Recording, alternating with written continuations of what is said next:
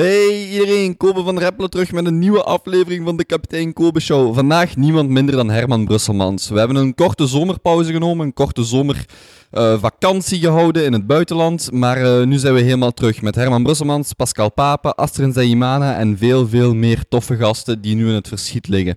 Maar laten we vandaag beginnen met Herman Brusselmans. Ik denk dat Herman Brusselmans, net zoals een Alexander de Croo of een Peter van den Bemt, eigenlijk geen introductie meer nodig hebben. Uh, Herman Brusselmans is schrijver. Herman Brusselmans is columnist, is dierenrechtverdediger. Uh, dat is niet het juiste woord, maar u weet ongetwijfeld wat ik bedoel. En Herman Brusselmans is gewoon een heel interessante gast die we ofwel van zijn boeken of van televisieoptredens of van voetbal kennen. Nu, ik uh, ben bij Herman Brusselmans geweest om, om hem rustig te interviewen. En toen ik de podcast begon, stond Herman Brusselmans natuurlijk hoog op mijn lijstje. En dacht ik, als ik zo'n gesprek van twee uur met iemand zoals Herman Brusselmans kan doen, dan ben ik eigenlijk tevreden. Dus vanuit dat opzicht ga ik het hier niet meer te lang houden. Ga ik direct naar het interview gaan. We spreken over heel veel dingen, beginnend bij zijn, bij, bij zijn geboorte, bij het begin van zijn verhaal. Um, over mensen die hij wilt ontmoeten of had willen ontmoeten, in welke periode dat hij graag geleefd zou hebben. Um, over zijn lang haar en mijn lang haar, want dat hebben we gemeenschappelijk. Um, over zijn creatief proces, over uh, kritiek, over God weet, over zoveel dingen. En uh, ook zelfs over romantiek bij Herman Brusselmans, over zijn uh, romances, um, over een heleboel dingen. En ik heb daarnet al gezegd, dit is echt een gesprek waar ik op voorhand voor getekend had. Um, voldoet helemaal aan, aan datgene wat mijn visie van een podcast is, van een tof gesprek, samen zitten. Herman is zoals een nonkel op een familiefeest die zo'n flauwe grap maakt, maar eigenlijk wel best veel wijsheid heeft en waar iedereen dan toch graag mee gaat babbelen. Voilà, we gaan gaan beginnen. Yo! U mag eens iets zeggen, meneer Brusselmans. 1, 2, 3, 4, zeg maar Herman. 1, 2, 3, 4, 5, 6, 7, 8. Het fenomeen Hazard.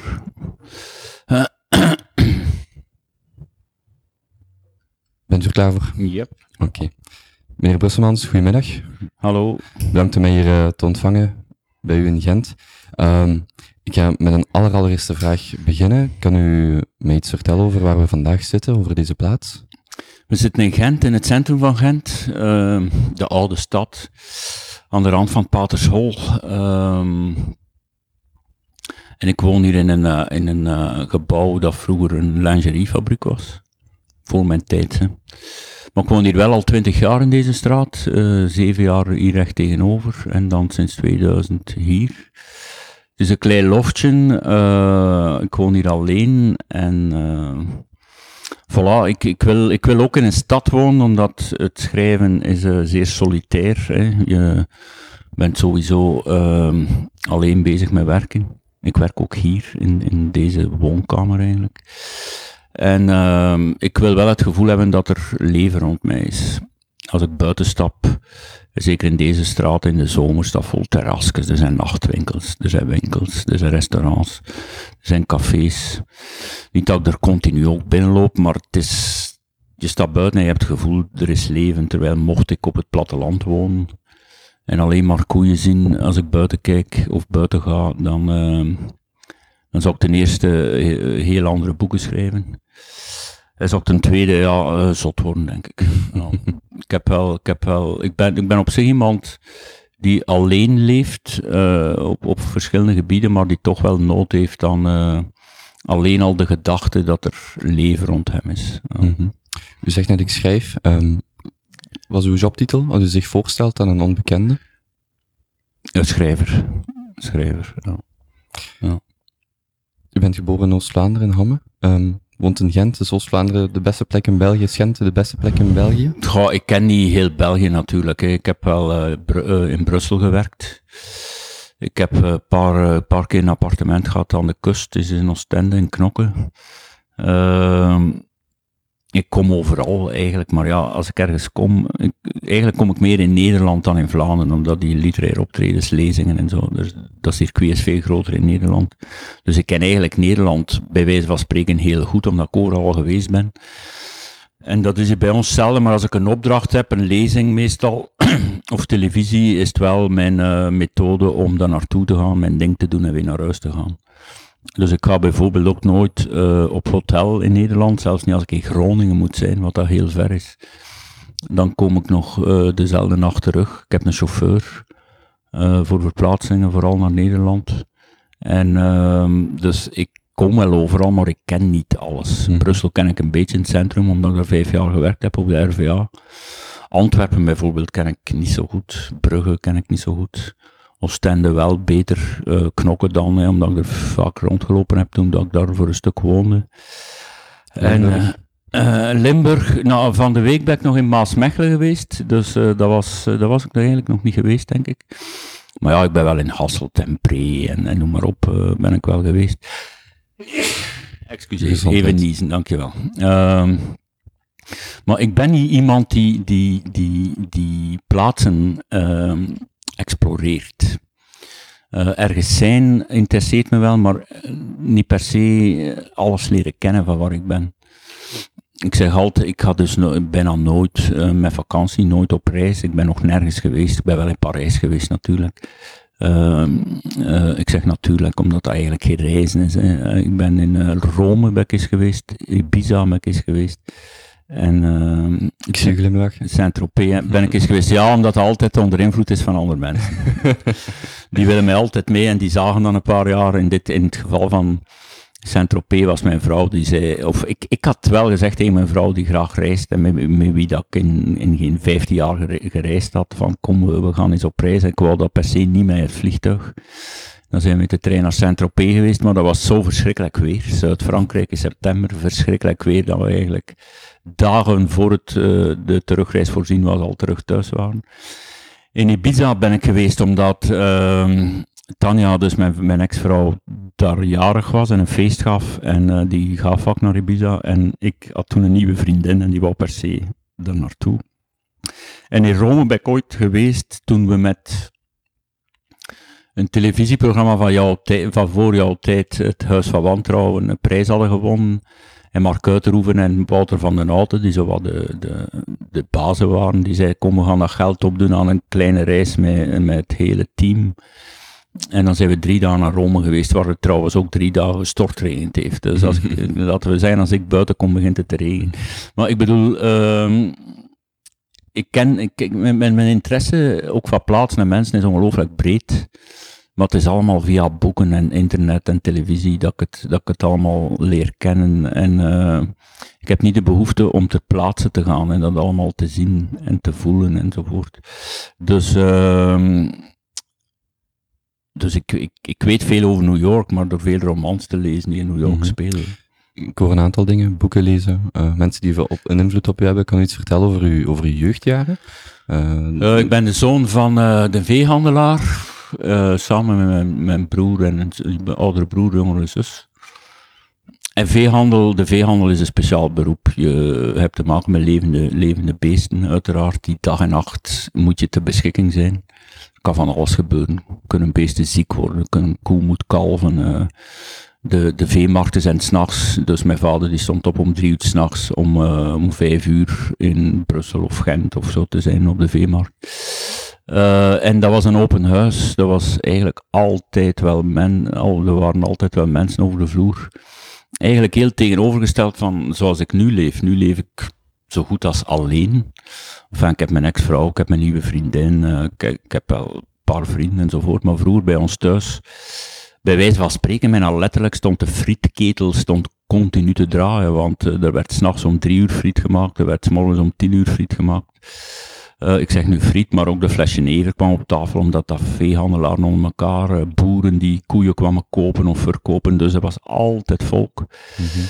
En dat was enerzijds een, een harde jeugd, want de, de, de, de omgang met levende dieren is altijd hard, er kan altijd iets gebeuren. Er is ook veel geweld en agressie, dierenleed enzovoort. Maar anderzijds denk ik wel dat ik mijn eh, neiging tot schrijven daar gevonden heb in een orale traditie. Die mensen, die veehandelaars onder elkaar, is wel de moeite om die bezig te houden. Werd er ook gestimuleerd? door, u, door uw ouders, door uw vader? De literatuur, nee, totaal Nee. niet. Nee, de- de- mijn ouders wisten ook helemaal niet wat dat literatuur was. Mhm. Die waren er ook totaal niet mee bezig. Ook, Dus- nee, ook niemand in mijn eigen omgeving. Maar ik bedoel, or- orale traditie, er werden continu verhalen verteld. Mhm. Dus daar leerde u wel verhalen vertellen, of dat werd er met de paplepel lepel ingegooid? Ja, en ook Gegoten. bullshitten, bullshitten, gewoon zeveren en overdrijven en liegen en elkaar de loef afsteken. En, en, en, en ja, er, er zaten, eh, onder andere mijn grootvader, langs moeders kant, die, eh, waar wij woonden, de- dat was zijn erf van vroeger, die had een paardenhandel gehad, samen met een café. Dat was, waren de ouders van mijn moeder, de ouders van mijn vader waren ook veehandelaren, dus ik kom, ik kom uit een hele reeks van, van dat soort mensen. En, eh, en mijn grootvader Frans, langs moeders kant, die paardenhandelaar, was echt een fantast. Die had een schrijver kunnen zijn. Ehm, Heeft u het van hem? ik denk het wel, ja. ja was ook ja, op alle gebieden. eh, dus ik schrijf veel eh, wat ik zelf bullshit noem. Dat is eigenlijk een positieve term. Veel onzin, veel absurditeiten. En die man praatte daar ook in. Die, die, die fantaseerde, die zo dingen uit zijn duim. Die maakte mensen dingen wijs. Ook op, ook, ja, hij had stand-up comedian kunnen zijn, of schrijver, of wat dan ook. Maar hij was paardenhandelaar, dus wel iets heel anders natuurlijk. Maar eh, ja, daar komt het wel vandaan, denk ik. Als ik toch ergens moet zoeken naar roots die een interesse voor de literatuur eh, verraden, dan kom ik daar wel bij, eh, zonder dat er ooit een boek te zien was. Zijn ouders vier dan op u? Mijn ouders zijn allebei gestorven. Hè. Dus eh, mijn moeder is vroeg gestorven, die was maar 61, maar die heeft nog net meegemaakt, onder andere dat programma Het Huis van Wantrouwen, en daar was we heel trots op. Mijn vader heeft, heeft langer geleefd, die is 78 geworden, die is in 2008 onder, eh, eh, overleden en die, die volgde het wel. Hij las niet de boeken, maar hij las wel wat er in de kranten stond. Ja. Of als ik eens op tv was of zo, dan... Het was, niet, het was niet dat het werd afgekeurd omdat het niet binnen hun lijn van veehandel of, eh? ja, weet je, mijn vader heeft eh, nog mijn broer, nog mij ooit gestimuleerd om in, in dat vak te stappen, omdat dat veel te, ten eerste veel te hard was en ten tweede, vanaf de jaren tachtig is dat allemaal beginnen veranderen. Daarvoor was het allemaal nog kleinschalig. En dan zijn die grote bedrijven gekomen, ook die boertjes met vier koeien en een paard, die zijn er allemaal van tussen gegaan. Dus mijn vader wou niet echt dat wij in die wereld terechtkwamen. Mijn broer is er dan toch nog in terechtgekomen. Maar eh, mijn ouders wouden graag dat ik ging studeren. Wat, wat dat interesseerde hen niet. Ik heb dan Germaans gestudeerd en, dat, eh, en afgestudeerd. En daar waren ze er ook wel trots op, want ik denk, ik ben er niet zeker van, of toch eigenlijk toch voor 90% dat ik de eerste was in die hele stamboom die een universitair diploma had. In 1980. Mijn zus is dan ook gaan studeren. Eh, die is ook Germaniste. En ehm, dus, dus eh, maar niet dat ze mij gestimuleerd hebben van probeer maar eens schrijver te worden. Mhm. Ze wist dat ik altijd bezig zat in mijn bureautje thuis te studeren en, en, en te schrijven, maar wat ik precies deed, dat, dat wisten ze niet. Mhm. Ik ging, ik, ik, ik ging hen dat ook niet vertellen, weet je wel. Eh, ik, ik, ik vertelde ook aan niemand in het begin toen ik eh, schreef. Was dat voor mezelf om uit te testen eh, hoe dat, of dat iets was of zo. Dus, ehm, en op mijn 24ste heb ik dan, of 23ste, mijn eerste manuscript opgestuurd naar een uitgeverij. En dat is meteen aanvaard. En pas dan dacht ik van, dit is wat schrijven is en ik ga daarmee door. Heeft uw grootvader Frans dat dan nog meegemaakt? Op uw 23ste? Nee, die is gestorven in 74, dus, eh, en mijn debuut is van 82. Dus eigenlijk, ehm, de, in heel die familie was niemand die, die daar echt mee bezig was. Met het feit dat ik schrijver was. Ja. Natuurlijk is het wel van, als je eens op tv komt, dat is het, mijn neef is op televisie, weet je wel, dat wel. Maar wat de reden was, of de oorzaak van dat televisieoptreden, een boek, bijvoorbeeld, dat, dat interesseerde niet. eh. Zou je dat anders willen? Nee, dat is oké, weet je. Ik, het is niet omdat ik schrijver werd, dat mijn ouders ineens moesten geïnteresseerd zijn in literatuur. Die mensen kennen dat niet. Die hadden nog nooit een boek gelezen. Dat werd, dat, dat, dat werd niet gedaan in die wereld. Of enfin, misschien sommige mensen wel, maar ik heb met mijn ouders eh, nooit enig gesprek gehad over culturele zaken. Wij gingen ook niet naar theater. Kijk, ik heb, ik heb vaak wel eens gedacht, en dat, dat is een gedachte die waarschijnlijk meer mensen hebben, van ik ben afkomstig uit een accultureel milieu. Mijn ouders waren veehandelaars, Wat zou het geweest zijn mocht mijn vader chirurg geweest zijn en mijn moeder professor in de Nederlandistiek? Ja, dan zou ik een heel andere jeugd hebben gehad, maar dan zou ik ook een heel andere kijk op de wereld hebben gehad.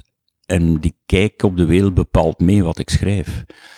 Ik, zal, ik zal niet zeggen dat ik, ik, schrijf niet continu over mijn jeugd, of ik, uh, ik gebruik mijn jeugd niet per se om daar literatuur van te maken. Maar dat ik schrijf wat ik schrijf, daar heeft mijn jeugd zeker mee te maken. Mm -hmm. Als je ouders zouden vragen of gevraagd hadden in het verleden, uh, hoe je gemiddelde dag eruit ziet, hoe, hoe zou je die beschrijven? Ja, mijn gemiddelde dag ziet er, er uh, als volgt uit. Ik sta op om half drie s middags en ik kan slapen om uh, zeven uur s ochtends. Er is nu een kleine verandering gekomen omdat mijn nieuwe vriendin uh, geen zin heeft om tot zeven uur s ochtends op te blijven. Dus die gaat wat vroeger slapen, dan ga ik meeslapen en dan kom ik weer terug. Maar zij staat dan ook wat vroeger op. Vandaag bijvoorbeeld ging ik om half drie opstaan, maar ik ben nu om half twaalf opgestaan omdat mijn vriendin er was en die zei kom, we gaan ontbijten enzovoort. Dus zo'n jonge vriendin hebben, dat, dat helpt wel om je leven zo in een andere richting in te, in te duwen. Maar dus, ik werk, ik werk hoe dan ook, werk ik s'nachts. Ik ben een nachtschrijver. En mocht ik alle boeken die ik heb geschreven overdag schrijven, zou het, zou het uh, op zijn minst heel andere boeken geweest zijn. Want vaak is de, is de nacht een personage in mijn romans. In die zin van het ik-personage zit s'nachts alleen en heeft dan donkere gedachten die hij, die hij overdag niet zou hebben. Mm -hmm. Want overdag is heeft toch altijd wel in zich van het is licht en het zonnetje schijnt en de mensen zijn vrolijk of, of niet vrolijk om het even of het regent. Terwijl s'nachts, dat is gewoon die diepdonkere duisternis. En jij zit alleen, je hebt in een loftje, uh, ik heb het gevoel dat er uh, niemand anders wakker is. En dat heeft wel invloed, zeker als je dat 30 jaar doet, op, uh, op je gedachtenwereld en op je manier van, van denken en, en leven. Hm. Je zegt in 30 jaar, is dat van in het begin, stond dat vast? Of bent u daarin gerold? Of, of ik heb vijf jaar gewerkt, dus toen ik al schreef. Hè. Dus ik ben beginnen, beginnen werken op de RVA in 81 en mijn eerste boek was uit 82. En ja, dan had ik een, leven zoals iedereen. Opstaan om, om zes uur s ochtends, om om half acht in Brussel op mijn werk te zijn. Werken en dan s'avonds thuiskomen en eten. En, en dan ben ik, uh, heb ik die paar jaar dan nog wel s'avonds geschreven, tot om een uur of elf, twaalf. Want ja, je moest weer vroeg naar bed, want je moest er weer vroeg op. En dan ben ik in 87 professioneel geworden en dan is het zo opgeschoven. Zo. Al vrij snel heb ik de nacht ontdekt. Uh, niet alleen om te schrijven, maar in, in de tijd ook wel om uit te gaan. Ik heb uh, in de jaren 80, toen ik in Gent kwam, kwam woonde, vijf jaar zwaar uit geweest. Jaren 80, toen was u 25, 30, 25, 35 ongeveer. Ik ben van 57, dus toen ik in, ik ben in Gent komen wonen in 86, dan was ik nu dus 29 dan ook toch ook al. En dan was ik, had ik een redelijk vrij leven, hè, want ik was professioneel schrijver en ik wou daar wel iets van maken en ik wou wel werken. Maar ik had ook wel tijd om s'nachts op café te gaan zitten. Dat heb ik vijf jaar gedaan. Vijf jaar ook zwaar, zwaar gedronken. En dan uh, is dat allemaal uit elkaar gevallen, die stamcafé. En uh, dat waren ruige jaren, maar ik heb er geen spijt van. Maar ik was wel content dat ze voorbij waren. Kwam, kwam je dan ook goed rond?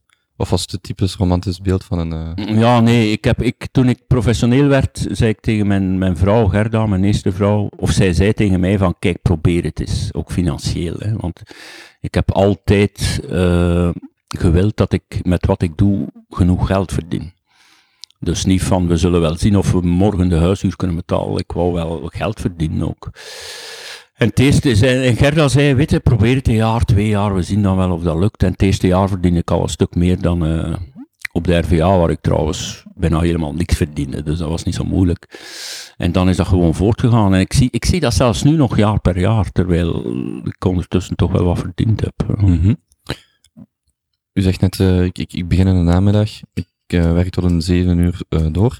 Heeft u een bepaalde ochtend of avond of, of, of routine voor het slapen gaan? Of, of heeft u een strikte structuur ja, ben, in uw dag dan wel? Mijn, mijn, mijn vriendin Lena, die zegt nu, die men nu leert kennen, want we zijn eigenlijk nog wat pas samen.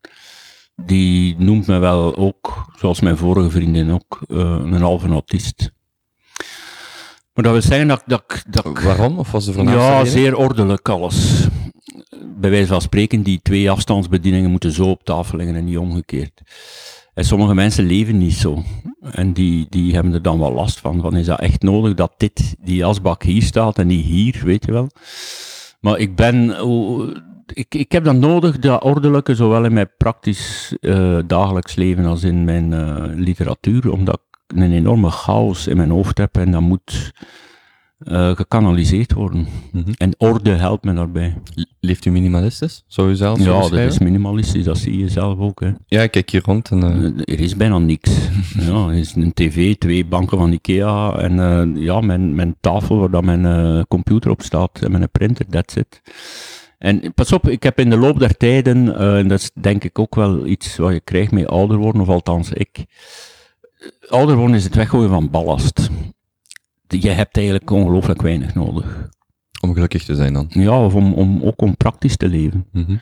Ja, ik zeg het, ik heb hier niks. Uh, ik, ik heb, ik, waar ik wel bijvoorbeeld ooit spijt van had, is dat ik, uh, dat was wel, wel een, een, een weloverwogen keuze, dat ik geen bibliotheek heb. Hè. De muren, zoals je die nu ziet, wit, daar had ik rekken kunnen aanmaken, planken, om, om, om die te vullen met boeken. En ik heb vroeger had ik wel moeite om een boek weg te doen. Maar hier dacht ik van, ik heb gewoon geen plaats. En dus, uh, je ziet, er ligt hier een stapel boeken naast, naast de bank. Die ik binnenkort weer gaan verkopen. Dus, daar heeft u nu spijt van? Nee, vroeger had ik spijt van, ah, ah, shit, ik heb geen plaats meer. Ik zal boeken moeten wegdoen, terwijl ik ze nu met de glimlach wegdoe. Omdat je denkt ook altijd van, dit boek houd ik, want dat ga ik ook zeker nog ooit tien keer aan lezen.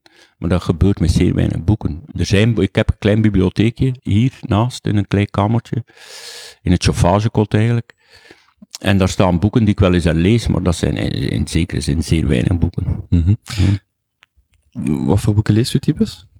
Ik lees alles. Ik lees uh, kranten, tijdschriften, internet. En dan fictie, non-fictie. Uh, ik lees veel, als het over non-fictie gaat, bijvoorbeeld over literatuur. En over uh, de Tweede Wereldoorlog. Dat is wat mijn specialisatie, mijn hobby, zeg maar. Daar heb ik enorm veel over gelezen. Specifieke onderdelen van de Tweede Wereldoorlog? Ja, de, het hele fenomeen de Tweede Wereldoorlog. Dat kan heel ruim zijn. Dat kan gaan een biografie van Hitler tot en met een werk over de, de slag bij Arnhem of zo. Weet je wel. En zowel het, het, het macroniveau van de, de, de grondstromen binnen oorlog, maar ook micro wat er op, ja, het veld en, speelde. Ja, en al, ja, precies. En alles is voortgekomen uit mijn enorme verwondering, noem het verbijstering, dat van 1933 tot 1945, dat is 12 jaar. En als je dan ouder wordt, dan beseft je dat 12 jaar, dat dat in feite niks is dan niet veel voorstelt dat er in die twaalf jaar zoveel is gebeurd dat de rest van de geschiedenis heeft veranderd. Met eigenlijk aan het hoofd een paar idioten, hè, de nazi's, topnazi's. En uh, dat intrigeerde me. Ja, op een bepaald moment dacht ik, ik wil weten hoe dat in elkaar zit. En hoe het in elkaar zit, is in feite hoe gestructureerd het nazisme ook was. Hè, en overal hun vlagjes en overal hun hakenkruisjes enzovoort. Dat het allemaal één rommeltje was. Het was één rommeltje. Hey, ik heb laatst een enorme kanjer gelezen van 1200 pagina's over de concentratiekampen, KI heet het. Van? Eh, de schrijver weet ik niet meer, okay. uh, een professor of zo. En uh, ja, dat was allemaal improvisatie, natte vingerwerk, zo is dat allemaal begonnen. En dat is pas helemaal op het einde van de oorlog dat het een gestroomlijnde machine werd. Maar het eerste kamp, het eerste concentratiekamp, Dachau in 1933, was voor politieke tegenstanders en communisten en zo ja, dat was, dat, was, dat was allemaal zeer amateuristisch en niemand wist hoe dat precies gaat. En, en pas uh, in 1942 is men tot de, het idee van de endlozing gekomen enzovoort. Dus het is mede daardoor uh, zou het ondenkbaar zijn om, om zoiets te verzinnen van in die twaalf jaar gaan we hier eens uh, heel de wereld op zijn kop zetten. En toch is dat gebeurd. Maar mijn besluit, zowel uit zo'n fenomeen als de Tweede Wereldoorlog, als uit uh, de relatie van een koppel, is altijd, we zijn allemaal lullige sukkels. Allemaal. Ik kan er nog heel even op ingaan. U zegt 12 jaar is weinig. U bent van 57, 12 jaar nadat de oorlog gestopt is, uh, uh, de overwinningen beklonken werd. Heeft u daar nog veel effecten van gevoeld toen u... Absoluut, absoluut. In, toen ik in de jaren 60, enfin, dat is doorgelopen tot in de jaren 70. En nog even vragen, woonde u toen ook nog op het platteland bij de veehandelaar? Ja, in Hamme, ja, in Hamme. Dus ik ben 12 jaar geboren na de oorlog. Uh, als, als je jong bent, is 12 jaar, dat is een oneindige tijd. Maar 12 jaar was niks. Daar liepen iedere dag nog uh, slachtoffers van de oorlog rond. Daar woonde naast ons een man met een Auschwitz-nummer uh, getatoeëerd op zijn arm dat is doorgegaan tot en met nu. Tot en met nu, dat er nog door de Vlaamse partijen amnestie, amnestie enzovoort. En, en terwijl de meeste betrokkenen zijn dood. Maar dat zet zich voort in generaties. Dus na de Tweede Wereldoorlog, we zijn nu 70 jaar verder. Zijn er, dat zijn, dat zijn vijf generaties, vier, vijf generaties. Daar is men nog mee bezig vooral in de Joodse wereld. Uh, en dat zal nooit overgaan, want mhm. die Tweede Wereldoorlog is zo ingrijpend geweest. Ook de manier waarop dingen gebeurden. De endleuzing, de Shoah, de, de, de, de enorme vooruitgang op technisch gebied, de wapens die men had, de kernwapens enzovoort. Dat werkt allemaal door tot nu. En tot ver na ons. Ja. Het zal ook altijd een grote bron van, van, uh, van informatie, van verhalen, van, uh, van, van miserie blijven. Hè. Ik herinner mij dat mijn grootvader over laatst aan het vertellen was, wij ook als Limburgse boeren, hoe goed het hier was, terwijl de andere kant van de familie, in, hier in, in Limburg op platteland nog, relatief, in vergelijking met de grote steden waar de andere kant van de familie van komt, Antwerpen, waar de V2's eh, ja, uit de lucht vielen. Precies. Terwijl het op het platteland dan nog relatief dat kon op 50 kilometer kon dat een enorm verschil maken. Hè? Want sommige, sommige gebieden zijn bevrijd in 44, anderen moesten wachten tot uh, mei 45, bijna een jaar later voor ze bevrijd werden, terwijl, terwijl ze maar uh, eh, 100 kilometer van elkaar lagen. Enfin, dat is, dat is, dat is dus een, een, een interessegebied van mij, maar ik lees ook veel over motoren bijvoorbeeld. Ik ben al een motorfreak. Ik zag op het toilet een, eh, een, een eh, boekje van KTM. Alle, alle, alle motoren 2016, dat, dat boekje ligt er al van alle motoren 1994, alle motoren 95 enzovoort. Ja, ik ben een motorfreak. Heeft, heeft u zelf ook ja, een motor? Ja, ik heb een, zelf een motor, een Triumph Street Triple. Um, van welk jaar? Die is van 2009. Ik heb hem nieuw gekocht toen. Dus ik, ik ben nogal trouw ook. Ik heb tien jaar met een Buell gereden. Speciaal machine, dat is een opgedreven Harley Davidson, een Buell. Uh, maar ik heb ook een paar Honda's gehad, Yamaha MZ, een Oost-Duits merk, in, van voor de muur viel, verschrikkelijke motor. Maar uh, ja, ik ben daarmee bezig. Ja. Uh, dus ik ben bezig met literatuur, sport ook natuurlijk. Ook al omdat het nu tot mijn vakgebied gaan behoren is, dat ik nu en dan eens commentaar geef over uh, met name voetbal. En daar lees ik allemaal veel over. Ja. Literatuur, sport, motoren? Motoren, ja. Uh, vrouwen zijn ook een interessegebied. Maar goed, als je een vaste vriendin hebt. Maar uh, ja, ik ga, ik ga over al die dingen heb ik wel een aantal sites, vooral motoren en literatuur waar ik uh, iedere dag wel eens op ga. Ja. Mm -hmm. Tof dat u dat zegt. Ik ben zelf ook terug aan het kijken voor een, ook een Street Triple, toevallig. Is het uh, waar? Ja, ja, zeker met de, met de nieuwe lijn die fantastisch mooi is. En, uh, ja, en die ook nog betaalbaar zijn, in vergelijking met een, met een Ja, wagen, dat moet ook, een Street Triple kost 9000 euro. Of ik heb een R, ik heb een R, dat is dan 10.000 euro, maar als je daar, ik ben daar nu mijn zevende jaar mee aan het rijden. Dus dat stelt niks voor. Hè. Nou, dat is 1000 euro per jaar dat, dat, dat, dat u dat kost. Dat is niks. Hè. Uh, en heb je nu een motor? Uh, ik had er een, dan ben ik naar het buitenland verhuisd, heb ik hem weggedaan. En wat was dat? Een uh, ER6N, een Kawasaki. Ja, Kawasaki, ja. ideaal 650 cc om, ja. te, om te leren rijden. En heeft mijn broertje terug een oude BMW F660, ja. 650. ja gehaald en uh, nu begint het terug te kriebelen. En zeker als, uh, als um, fiscaal voordelig uh, object. ja, het is, het is, heeft een voordeel. Het is een virus, hè, eigenlijk ook wel. ik moet zeggen, ik krijg niet zoveel, hè, want ik doe ook geen verplaatsing met de motor, bij wijze van spreken. Als ik morgen in Amsterdam moet zijn, rijd ik niet met de motor, omdat ja, ik zit met dat motorpak. Ook mijn, mijn, de street triple is niet geschikt om daar tassen en valiezen aan te hangen en zo. Dus ik, mocht ik echt alles wat ik doe aan verplaatsing met de motor doen, zou ik mij, zou ik mij echt een reismotor moeten kopen. Maar ik, heb, ik, ik vind uh, rijden op de, de autostrade vind ik gewoon gevaarlijk. Mm -hmm. ja. Ja. Zeker met een naked, zeker. Ja, precies. Op die ja. Ik zou even willen, willen ingaan op uw carrière, op uh, het begin als schrijver. U zegt, ik heb vijf jaar voor de RVA gewerkt en dan ben ik overgestapt als, uh, naar fulltime schrijver, professioneel schrijver.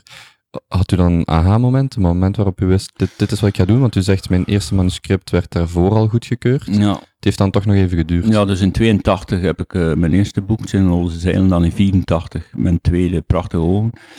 en die kregen echt, echt wel veel aandacht en zo. En dat werd gezien als iets nieuws of iets bijzonders, samen met Tom Lanois, Christine Emmerrecht. Maar uh, dat verkocht eigenlijk ook allemaal niet zo spectaculair. Maar uh, mijn derde boek, dat trouwens door mijn eerste uitgeverij werd geweigerd. En dan ben bij een andere uitgeverij gekomen waar ik nu nog altijd zit. Uh, de man die werk vond. Dat begon ook wel succes te krijgen. Dat boek verkocht wel oké en dat werd herdrukt en zo. En toen dacht ik van, ja, nu ben ik weg. Ik heb drie boeken en ik wil een vierde schrijven, ik wil een vijfde schrijven. Wat deed je toen nog? Bij die, tijdens de eerste drie boeken, dat was toen u bij de RVA zat? Ja, in 85. Dus mijn, mijn vierde boek dan, Heden ben ik nuchter, uh, is verschenen ook in 86. Dus toen werkte ik ook nog bij de RVA. En één, mijn volgende boek dan, mijn zesde, ja, of mijn vijfde bedoel ik, zijn een kanaal in Aalst. Toen was ik voor uh, het eerste boek dat ik fulltime schrijver was. maar toen ben ik ook, toen al, toen ik werkte ook al, maar in veel mindere mate, toen ik dan professioneel werd, ben ik ook gaan zoeken naar werk. Ik werk in de literatuur, dat zijn columns, dat zijn lezingen, dat is televisie. Uh, dus alleen uh, boeken schrijven, daar zou ik het zeker niet mee gered hebben toen. Er is een periode geweest, vooral de periode 95-2005, dat ik echt echt wel heel goed uh, mijn brood verdienen met boeken alleen. Maar ik heb er altijd andere dingen bij gedaan. Mm -hmm. Wat was dan de definitieve druppel om u C4 te geven bij de RVA? Of het definitieve moment dat u zei, nu ben ik hier weg, jongens? Een vrouw. Uw vrouw? Of een, een vrouw. Een vrouw. Ik was getrouwd, dus een andere vrouw. Ja. Buiten natuurlijk? Ja. Ah, oké. Okay. Ik moest daarvan weg, of die werkte bij mij in Brussel en ik moest daarvan weg, of, of mijn huwelijk ging naar de klote gaan. Ik heb gekozen voor mijn huwelijk. Ja. Ah, Oké, okay, ja. dus, dus dan bent u daar vertrokken en heeft u ook alles op alles gezet? Ja, er waren twee dingen. Het feit dat ik wel, wel wist van ooit word ik professioneel schrijver, maar echt de, de, de, de, de trigger om weg te gaan naar Brussel was dat ik weg wou van die vrouw, omdat ik, ja, ik had er, uh, ik was erdoor, ik zal niet zeggen geobsedeerd, maar er was zodanig iets dat mijn huwelijk kapot aan het maken was. En ik wou mijn huwelijk redden, dus moest ik weg van Brussel, moest ik weg van die vrouw. Ja. Bent u daar op een of andere manier dankbaar voor, uiteindelijk? Wat dankbaar. Mijn huwelijk is, ten, is dan tenslotte toch nog geëindigd, hè, vijf jaar later. Maar uh, ik, ik heb, laten we zeggen, ik, ik heb van niks spijt. Uh, mijn eerste huwelijk was oké. Uh, dat is geëindigd. Mijn tweede huwelijk was met de vrouw van mijn leven, met Tanja. Dat is ook geëindigd. Maar ik heb een literaire carrière achter de rug die ook wel anders of spectaculairder of whatever kon zijn, maar ik ben, ik ben wel tevreden, omdat alles wat ik gedaan heb, is toch wel met mijn ogen open geweest. Het is toch wel een keuze geweest altijd. En never cry over spilled milk, dus uh, ik ben, ik ben bijna profvoetballer geweest, maar het zou debiel zijn om daar jaren later nog over te gaan zeiken van, mocht ik voetballer geweest zijn, dan was ik nu Eden Hazard of zo, weet je wel. Dus dat is bullshit. Iets, iets wat mislukt is, ja, dan moet je take, take it as a man, weet je wel. Ja. Zou je ook terugschrijver, stel dat u die keuze had, ja. terugschrijver in uh, België zijn? Ik heb die vraag ook aan Peter van den Bemt gevraagd, van, zou je terug sportjournalist, misschien zelfs hè, de beste van het land, toch terug in België of dan toch die internationale allure? Of ja, nee, laat maar België. Ik bedoel, dat zijn van die what-if dingen. Uh, en mensen zeggen dan wel eens, ja, mocht je in Amerika geboren zijn, zou je in plaats van 20.000 boeken 20 miljoen boeken verkopen, wat ten eerste nog niet zeker is. Want uh, de gemiddelde oplage van een boek in uh, Amerika is 1200 exemplaren. Maar wij zien natuurlijk Stephen King en, en, en, en al die mensen die miljoenen boeken verkopen, maar 90% van de schrijvers in Amerika verkoopt ook niks. Hier is de gemiddelde oplage of verkoop van een Vlaamse roman is 240 exemplaren. Dus, uh, een bestseller vanaf 1500, klopt ja, zo, ja, eigenlijk vanaf 7.000, 8.000. Oké. Okay. Ja. Vanaf 1500 zijn ze aan te kosten, de uitgeverij. Uh, maar mijn boeken zijn nooit, nooit bestsellers geweest, al lag Riet op de Beek of zo maar wel sellers. En ik ben daar altijd tevreden mee geweest. Mm -hmm. Ik heb een stuk van Holland, heb ik wel, bestrijk ik wel. Uh, en in Vlaanderen verkoop ik ook wel mijn boeken. Dus. En ik heb mijn werk zowel in Vlaanderen als in Nederland. En dat zijn tenslotte, dat is een, een, een potentieel publiek van, van uh, 20 miljoen mensen of meer. Voldoende om, uh, Natuurlijk. om ja. de beste Ja. proberen te zijn en dan uh, toch Ja, ja, te komen. ja te- voldoende om niet te gaan denken van, ah, was ik maar in Frankrijk geboren, of in Duitsland, of in Amerika, of in Engeland. Omdat het daar allemaal niet zoveel beter is. Ja, we worden altijd verblind door iets wat mondiaal wordt. Weet je wel, voor iedere Lady Gaga of eh, Madonna zijn er zo duizend klonen en derde die het in hun eigen land wel maken, maar niet in het buitenland. Mhm. Ja. Kan u, kan, wacht hè. Kan u voorbeelden geven? Mensen die u dan inspireren, zo- zowel internationaal als, eh, als, als Belgisch of Nederlands? op alle gebieden zijn er mensen die mij inspireren. Dat is, eh, Woody Allen is een grote inspiratiebron geweest. Ehm, Om welke reden? ja, die? Joodse humor, die, die silliness. Zijn eerste films waren echt puur absurdistische films. hè. Take the Money and Run en Sleeper en zo. En Love and Death. En dat waren echt absurdistische films. En ja, ik moet daarmee lachen. Eh, en dan later zijn de gebroeders Coen gekomen met Fargo en Barton Fink en zo. En Tarantino zelfs, de- die veel later dan ik is gekomen. In 94 had die Pulp Fiction daarvoor, Reservoir Dogs. Dat zijn allemaal invloeden. Maar ook vooral uit de literatuur. Hè. Gaande van Gerard Reven, G.D. Salinger, eh, Joseph Heller, tot en met eh, Remco Kampert, Jan Kramer, eh Bret Easton Ellis, American Psycho, wat na mij gekomen is, maar dat blijft, er blijven dingen komen die je beïnvloeden. Ja. Zijn dat ook boeken of artiesten die iedereen zou moeten Ja, een keer onderzoeken? Wat mij betreft wel. Ik heb aan mijn, en mijn vriendin, eh, die sowieso wel veel leest, maar heb ik, een, eh, een, een- ik heb haar een ontdekking aan de hand gedaan. Dat is de roman Een Confederacy of Dunces, een, sla- een samenzwering van idioten van John Kennedy Toole, die maar één roman geschreven heeft en dan zelfmoord heeft gepleegd. Nou, dat is voor haar een enorme wereld die open gaat. En daar ken ik van toen ik zelf 24 was. Dat je dingen kan leren kennen die je echt een klap, een klap op je kop geven. En dat Is vermindert is dat natuurlijk. fictie of een non-fictie? Ja, dat is fictie. Fictie. Samenzwering van idioten, fantastische roman. Eh, dat vermindert, die beïnvloeding vermindert. Maar ja, tenslotte heb je op de duur je eigen stijl. Eh, en je wordt niet zo vaak meer verrast door dingen, snap je? Dus eh, op de, ik zal niet zeggen dat je op de duur alles wel hebt gezien, want dat klinkt nogal een beetje blasé, of zelfs pretentieus. Maar eh, er komen altijd weer nieuwe goede dingen. Maar la- laten we nu zijn in de muziek. Ik ben trouwens, we hadden daar straks om motoren, Tweede Wereldoorlog enzovoort, maar ik ben de muziek eventjes vergeten. De muziek heb, heb ik in, in een tijd geleefd, of ben ik van een generatie waar alle nieuwe dingen bijna zijn ontstaan. Hè. De eerste rock en roll, Elvis Presley, dat is uit mijn tijd.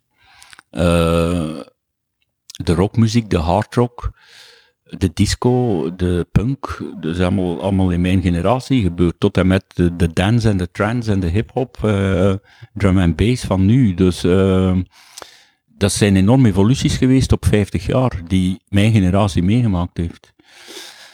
En laten we zijn, de rockmuziek, wat altijd mijn biotoop wel geweest is, ja, daar gebeuren nog hele goede dingen in, maar niks nieuws. Hè. Dus er is wel verzadiging aan. aan dat Ja, nee, ik, ik, ik kan nog wel naar nieuwe dingen luisteren en zeggen van, het is goed, maar vaak krijg je toch de indruk, dit heb ik al eens gehoord. En als je het begin van de Stones en de Beatles meegemaakt hebt, ja, later zijn er duizenden groepjes gekomen die, ja, het geprobeerd hebben zoals de Beatles het deden. Mhm. Bent u dan iemand die teruggrijpt naar het verleden, Ja. naar de Beatles? Of die Ja, terug- ik zit vaak op YouTube eh mijn verleden te checken. Ja. Ja, Waar je ook nog nieuwe dingen kan leren. Nu, dat je nu dingen leert uit 1965 of herontdekt, die je totaal vergeten was. Maar YouTube is daarvoor fantastisch. Je kunt beter een boek of een nummer voor een tweede keer beluisteren of lezen dan, dan een nieuw boek eh, vaak te beginnen. Om, om Ja, allebei, allebei. Het is, een, het is een mix. Het is een mix. Ik zit vaak wel eens een nacht eh, pure nostalgie te bedrijven door eh, al, allerlei nummers uit de jaren 60 te beluisteren.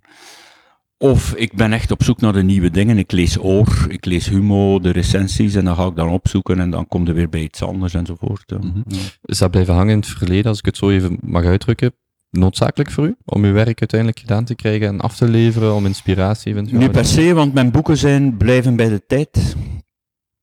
Enfin, ik heb nu dat trilogietje Zijkromans in met Inspecteur Zijk, die parodie op die thrillers, die spelen in 1961. Maar mijn autobiografische boeken, die Poppy en Eddie trilogie, dat speelt nu, dat speelt in 2014, 15, 16. Dus ik ben wel een nostalgicus en dat is iedereen wel op zijn 58ste, maar Het is niet alleen maar vroeger was het beter, absoluut niet, want vroeger ehm, was het op vele gebieden veel slechter. Mhm. Punt. De rechten van de vrouw, de rechten van de homo's. Ja, we hebben veel bereikt, ook in die generatie, eh, die paar generaties die ik nu leef. Ja. Mhm. Even over uw boek, over u, u haalt de trilogie aan. Kan u kort beschrijven hoe dat van A tot Z een, een boek tot stand komt bij u? Ja, lineair. Dus de eerste zin. Enfin, ik wil, ik wil- altijd beginnen met een titel, eigenlijk. Ja. En dan is het lineair. Dan is de eerste zin, tweede zin, derde zin, enzovoort. En dan schrijf ik eh, gemiddeld vier, vijf maanden aan een boek. Het is te zien hoe dik dat is. Ik schrijf het volledig. Als een boek, als een boek klaar is, heb ik het nog nooit volledig gelezen. Van begin tot einde bedoelt u Ja. dan? Ja. Ehm, en dan lees ik het voor eigenlijk voor de eerste keer als, als een volledig boek. En dan corrigeer ik. Dat kan één of twee keer zijn. En dan gaat het naar Tanja, die het corrigeert. Dan gaat het naar mijn redacteur, die het corrigeert. En een lector, die het corrigeert. Dan komt er een eerste drukproef, die ik corrigeer. Die mijn redactrice co- corrigeert. Dan komt er een tweede drukproef, die ik zelf niet meer corrigeer. En dan komt het, eh, wordt het een boek echt wat je in je handen houdt, het nieuwe boek. En dan lees ik dat nog één keer. Om te zien hoe, hoe, het, hoe het aanvoelt als boek. En dan komt het definitief op de markt. Of dan nee, is dan, al- dat, is, dat Ja. bedoel ik met definitief op de markt, dat boek. En dan eh, is het klaar. Dan eh, lees ik het nooit meer. Als u zegt, ik schrijf lineair, en dat is misschien een domme vraag, ik ben geen, ben geen schrijver, dus ik ga het u gewoon vragen. Als u zegt lineair, dan schrijft u, u weet wel hoe het verhaal dan afloopt. Het, het, Op, het op is een al, bepaald moment weet ik het. Niet, niet meteen. Dus. Er zijn heel veel boeken die ik begonnen ben zomaar. Maar er zijn ook heel veel boeken die ik na het zomaarachtige begin weggegooid heb. Ik heb Mhm. natuurlijk heel veel gepubliceerd, maar ik heb, ik heb misschien al evenveel weggegooid. Omdat het niet goed is na al 30 bladzijden, of het dat niet op gang komt, of dat, het, ja, dat ik er niet content over ben. Mhm. Ik heb zelfs eens een boek van 230 pagina's weggegooid. Dus, eh, hoe, beoordeelt u dan Ja. uw eigen werk? Is dat puur gevoelsmatig? dat is echt gevoelsmatig. Ja. Van dit zit niet goed, of, Ja. of aan de andere kant ook, hoe, hoe beoordeelt u dan als het wel goed is? Puur Ja, dat is echt een gevoel. Dit, van dit, kan ik, dit boek kan ik niet beter schrijven. Daar mag ik nog tien jaar als sleutel. Dit, er zijn schrijvers die het doen. Ik heb pas nu nog eens herlezen, na ik weet niet hoeveel jaar. Madame Bovary van Flaubert, waarbij daar ook een, eh, een nawoord stond van, eh, van eh, de vertaler. Beetje biografie van Flaubert en hoe het allemaal tot stand is gekomen. Die heeft dan Madame Bovary, wat niet een overdreven dik boek is, 340 pagina's. Die heeft daar tien jaar aan gewerkt, fulltime. Wel, dat zou ik niet kunnen. Nee. Want in feite, als je tien jaar aan werkt, je kunt er altijd nog eens tien jaar aan werken. Het kan altijd wel anders, op zijn minst. Weet u dan als u een, een, een goed of een miserabel hoofdstuk geschreven heeft? Voelt u dat wel aan, of is dat pas op het einde als het klaar is? Ehm, Het zijn misschien stomme vragen. ja, nee, dat is niet stom. Zeker niet dit, deze vraag, want je kunt eh, acht dagen aan elkaar schrijven en acht keer content zijn. En van de, de negende dag kunnen zeggen, ik zit niet goed. En dan stop ik wel. Dan wacht ik een dag. Dan heb ik gewoon mijn dag niet. Dan denk ik van morgen zal het beter gaan. En meestal is dat ook zo. Ja. Ja. Heeft u dezelfde criteria voor boeken die u leest? Is het puur gevoelsmatig dat u zegt Ja. het is een goed of een slecht? ja, het is ook wel een technische kwestie. Hè. Eh, hoe, de, hoe de verhaallijn gestructureerd ja, is? en hoe de personages evolueren en, en, en, en hoe, de, hoe het zit met de continuity, eh, hoe de verdeling is van de personages. Hebben ze eh, de hoofdpersonages evenveel. Enfin, er zijn boeken over geschreven, over romans schrijven natuurlijk. Hè. Eh, dus romans schrijven is voor een stuk ook techniek, is niet alleen maar, maar gevoel. En je moet een beetje de techniek van de romanschrijverij kennen om te kunnen besluiten van dit is echt geen goed boek, waarvan 100.000 lezers vinden dat het wel een goed boek is. Mhm. Ja. Dus eh, ik, ik denk maar bijvoorbeeld aan een serie gelijk eh, Game of Thrones of Harry Potter, het maakt zoveel niet uit. Het is niet per se zo, omdat heel veel mensen het al dan niet graag lezen of kennen of gelezen hebben, dat het daarom per se voor u ook een, ook, dat is, dat is voor u geen criterium om, om, eigen Ja, boeken... nee, want anders, anders kijk, de, de, de meeste bestsellers, zowel film, literatuur, muziek, als die gesmaakt worden door een, eh, een, een ongelooflijk groot publiek, dan is het nooit top. Is nooit top. Harry Potter is, is, is heel goed gedaan, maar dat is geen top, weet je wel. Ehm, zo de, de Woody Allen bijvoorbeeld, die ik dan wel top vind, is nooit een bestseller geweest. Die is altijd net uit de kost gekomen in zijn films, die dan ook nog eens goedkoop gedraaid werden. Ja. Woody Allen heeft pas echt een succes gehad met een film uh, met Midnight in Paris uit 2012 of zo. Mhm. Toen hij al in- bijna 70 was. Dus eh Bret Easton Ellis, American Psycho, is een wereldberoemd boek. eh, en is ook wereldberoemd bij mensen die het absoluut niet gelezen hebben of het absoluut een kutboek vinden. Terwijl dat, dat volgens mij een van de beste romans aller tijden is. Oké, dat is weer volgens mij, weet je wel. Mm. Ik heb het boek thuis liggen, alleen de film gekeken. Nu ga ik, eh, moet ik zeker zorgen dat ik het Ja, de, de, je kunt dat boek niet verfilmen zoals Ja. het eigenlijk zou moeten, want dat is te, te, te, te. Dat is, dat is pure slasher scènes, dat, dat kan niet. Maar laten we zeggen, de, de doorsnee bestseller, je hebt nu, de, de, de bestsellers nu zijn eh Griet op de Beek bij ons, eh Lise Spit met haar debuutroman I- Ish, ehm Hamouaït hè, met zijn Céline enzovoort. Dat zijn aardige pogingen, noem ik dat. Maar dat heeft met, met topliteratuur niet veel te maken. Ja. Catalogiseert u zichzelf onder topliteratuur? Dat is wel moeilijk om dat te zeggen. Hmm, ik denk het niet. Maar de topliteratuur is zeer beperkt. Als je mij vraagt, noem 10, noem 100 fantastische boeken, dan kan ik dat. Noem 1000 fantastische boeken.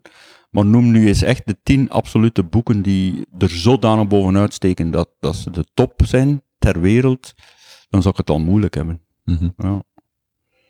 Dus ik ben, ja, weet je, ik heb altijd zo gezegd bij wijze van boetade, weet je wel, van ik speel aan de top in, twee, in tweede klasse.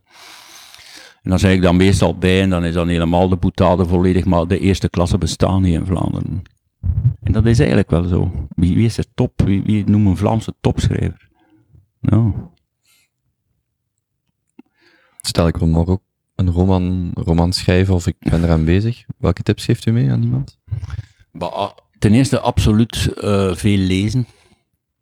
Moet eerst een lezer zijn voordat je Ja, een schrijver absoluut, wordt? ja. Ja. En je moet ook blijven lezen terwijl dat je schrijft. Ook slechte boeken, dan weet hoe dat niet moet. En bij goede boeken denkt, geeft u een stimulans van, van verder te doen. Van dit is leuk, dit is, als dit kan bestaan, dat wil ik ook doen. Weet je wel. En werken, werken. In welke vorm? In, in, in Ja, schrijf zoveel bezig woorden zijn. elke dag? Want ik eh, zeg, ik zeg, je kunt zeggen, ik schrijf zoveel woorden per dag, ik zit zoveel uur aan mijn bureau, maar dat is bullshit. Je bent 24 uur met een boek bezig. Per dag, 24 uur. Dus niet louter achter de computer. Ja, dat, maar dat, ook dat, uw- uw continu, dat Ja, werkt ja. continu. Vandaar dat ook veel schrijvers of, of, of creatieve kunstenaars stapelgek worden, aan de drugs of de drank zijn, omdat dat om een duur wordt dat soms wel eens ondraaglijk, dat, dat je die knop niet kunt afzetten, dat je daarmee bezig blijft. Ehm, maar daarom moet het ook relativeren, van kijk, ik neem mijn vak ongelooflijk ernstig, maar ik kan het ook heel goed relativeren. Van het is maar een boek. Ik ben daar z- x aantal tijd, 24 uur per dag mee bezig geweest. Maar ja, weet je, eh, de kindjes die sneuvelen in Syrië, dat is, dat is belangrijk. Niet een boek van een Vlaamse schrijver, weet je wel. Dus, Mhm. En ik wil, ik wil het zeker ook niet kapot relativeren. Je moet er ook mee oppassen, want dat zou de kwaliteit wel eens in de weg kunnen staan. Van ja, wat kan het mij schelen wat ik schrijf? Ik schrijf maar wat. Dat is het ook niet. Maar je moet niet denken dat, dat u, jouw boek of jij als schrijver het middelpunt van de wereld bent, want dat ben je totaal niet. Mhm. Wat kan dan elke columnist of schrijver van Herman Brusselmans leren? Je kunt wel iets opsteken van mijn stijl of van de manier, de manier waarop je het leest. Kun je zeggen van, kijk, mijn boeken zijn bedrieglijk eenvoudig, of wat ik doe. Er zijn enorm veel mensen die, die denken, en dat, dat heb ik ook ondervonden, die denken als ze een, een column lezen van mij, dat kan ik ook wel. En ze doen het dan en dan besluiten, besluit niet alleen ik per se, maar andere mensen ook van, jongen, eh, dit is echt niet wat dat, eh, wat dat is, wat dat moet zijn. Met boeken ook, ja, die schrijft toch maar wat boeken over achterwaarts in de poes en een gast die over straat loopt. En, en, en dat zijn zo die clichés hè, over, over mij, maar ja, Tanja zou dat goed kunnen verwoorden. Die, die, als ik het zelf moet verwoorden, ja, je moet er wat mee uitkijken, hè, maar het is niet zo gemakkelijk wat ik doe. Ja. Zou zij het zo verwoorden? Zij zou zeggen, het is fantastisch en niemand anders kan het. ja. En dan geef ik haar wel gelijk. Hè. Ja. Ehm, hoe, hoe gaat u dan met kritiek om? Mensen die inderdaad zeggen van dit, dit trekt op niks. Maar ik eh. sta nooit te, te dansen op tafel met een goede kritiek. Ik sta nooit in de put zitten met een slechte kritiek. Was dat van het begin zo of heeft dat Ja, geleerd? eigenlijk wel. Ja. In het begin was dat wat meer. wat- maar dat was altijd ook onder druk van andere mensen. Bijvoorbeeld, mijn eerste uitgeverij heeft mijn derde boek geweigerd, of dat mijn tweede, Prachtige Ogen, eh, enorme slechte kritieken eh, had gekregen. En, en in die tijd stelde dat nog wel iets, iets voor. Een kritiek in Vrij Een Nederland. recensie in de humor bijvoorbeeld, in die tijd. Of bijvoorbeeld. Ja, Want het is, het is ver van voor mijn tijd. Dus ja, kan- voilà. Dus dat stelde wel nog iets voor. En mensen kochten wel boeken op een recensie. Dat gebeurt wel nog, maar veel minder. En die uitgever dacht, ja, een schrijver die zo'n slechte kri- kritieken krijgt, ja, dat, dat, dat, gaat, dat gaat niet veel geld opbrengen. We stoten die af. Maar eh, ik heb daar eigenlijk nooit wakker van gelegen. Nee. Ook dat relativeren weer. Want ik zeg altijd, om het even wie op het podium gaat, en dat gaat van Eddie Wally tot Beyoncé, hè. Eh, de Les Trouvés ensemble, maar die hebben voor- en tegenstanders. Mhm. Er zijn mensen die Eddie Wally fantastisch vinden, er zijn mensen die Eddie Wally de grootste idioot aller tijden vinden, er zijn mensen die Beyoncé fantastisch vinden, en er zijn mensen die Beyoncé een totaal overschat kutwijf vinden. Allee, ik ga nu niet het werk van Beyoncé vergelijken met dat, met dat van Eddie Wally, maar ik geef maar twee voorbeelden. Mhm.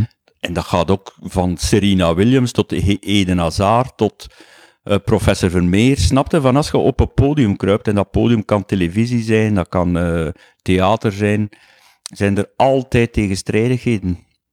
Dus de mensen die alleen maar goede kritieken krijgen en die dan de ideale schoonzoon worden genoemd enzovoort, vaak vind ik die een werk mee gewoon middelmatig. Mhm. Ja. Dus eh, kritiek is op zich eh, zeker niks wat u, wat u afremt. Ja, nee, ik heb nu, kijk, de, ik heb een reeks in Zijk, Zijk en het moord op de poetvrouw van Hugo Claus, Zijk en het lijk op de dijk, die derde, Zijk en het lijk op de dijk, die nu pas uit is, heeft bijna geen kritieken gekregen en twee, in Metro en in eh, de Volkskrant geloof ik, krijgt, krijgt hij één ster op vijf, dus het laagste. Maar er wordt altijd, dat boek wordt eigenlijk, dat is heel vreemd, want dat krijgt één ster, maar die recensenten kunnen toch nooit laten om te zeggen van, ja, voor de mensen die dit goed vinden, is dit smullen geblazen. En de anderen gaan het verschrikkelijk vinden. Maar dat Mhm. is altijd zo geweest. Ja. En dat is met wat ik goed vind ook. Er zijn mensen die Woody Allen een ongelooflijke, eh, irritante zeur vinden, zeker als hij zelf meedoet in zijn films. Terwijl ik dat fantastisch vind. Dus van mij krijgt Woody Allen vijf sterren. Hij heeft ook al één ster gekregen, weet je wel. Dus eh allerlei sterren op bolletjes of whatever dat ze gebruiken. Dus daar kun je echt niet van wakker liggen. Is de persoon Herman Brusselman succesvol? De persoon. Uh, je bedoelt in het dagelijks leven. Ik bedoel u zelf. Vindt u zelf succesvol? Maar als schrijver mag ik wel niet klagen. Hè. Dus er zijn een aantal dingen, bijvoorbeeld, er is eens een enquête geweest onder 2000 mensen of zo, en daar ben ik dan tevoorschijn gekomen als de bekendste schrijver van Vlaanderen, 100% wist dat ik schrijver was. Ja, daar ben ik dan wel content mee, maar dat, dat, dat, dat, helpt natuurlijk ook niet als je het s'nachts om vier uur zit te worstelen op een zin van een roman, natuurlijk. Hè. Je loopt niet op straat, ik toch althans niet, met het uh, idee van uh, ik ben beroemd. Er zijn, er zijn mensen die dat doen. Omdat roem is ook zoiets. Hè. Roem is iets geworden waarbij veel mensen beroemd zijn omdat ze nu eenmaal beroemd zijn, zonder dat ze ooit iets gedaan hebben. Of misschien één keer op tv iets raars gezegd hebben of zo. Maar dat komt is allemaal sinds die reality tv en het feit dat ze voor alle programma's duizend mensen nodig hebben, of zelfs maar vijf mensen. Kijk, programma's heten nu al iedereen beroemd. En dat zegt veel, hè. Dus men gaat er echt op speculeren van, we steken iemand in een programma, zorgen ervoor dat hij beroemd wordt, kunnen we hem ook gebruiken in alle programma's. Terwijl ik kan zeggen, als ik al beroemd ben, of voor zover ik beroemd ben, dat het niet voor mijn schone ogen is, hè. U zit wel in die ideale wereld, bijvoorbeeld. Maar ik zit overal in. Ja. Ik zit overal in. Uh, dat is een onderdeel van wat ik doe. En uiteraard de middelen om mijn boeken te promoten, waarbij het er ook druk is van de uitgeverij. Een boek is een stuk zeep, dat moet verkocht worden. Mm -hmm. Ik stel u de vraag, vindt u succesvol? U heeft het over schrijven, voor de schrijver Herman Brusselmans. Dat is één hoofdstuk van uw leven, van uw levensboek. Uh, de andere hoofdstukken, bent u daar tevreden over, waar, waar u vandaag staat? Mijn persoonlijk leven ben ik wel tevreden, ja. Ik heb, ik heb een parcours gehad met vallen en opstaan en er zijn dingen gebeurd die, die zeer ingrijpend... De dood van mijn moeder is, is zeer ingrijpend geweest. Ook de dood van mijn hondje bijvoorbeeld, mijn eerste hondje. Uh, dood van mijn vader uiteraard. Er zijn mensen gestorven uit mijn omgeving Luc de Vos, uh, Fons Simons, vrienden, vrienden uit die café-tijd, waar dan we zoveel mooie jaren mee gehad hebben. En die, van wie sommigen die mooie jaren wilden continueren, en dan bedoel ik blijven drank en blijven drugs enzovoort. En die, er zijn mensen doodgegaan, van mijn leeftijd, jonger dan ik. Luc de Vos hè, is het beste voorbeeld, Patrick de Spiegelaar, enorm goede gast, 45, hersenbloeding of zoiets, en weg. Dus uh, ik ben wel tevreden ten eerste dat ik nog leef.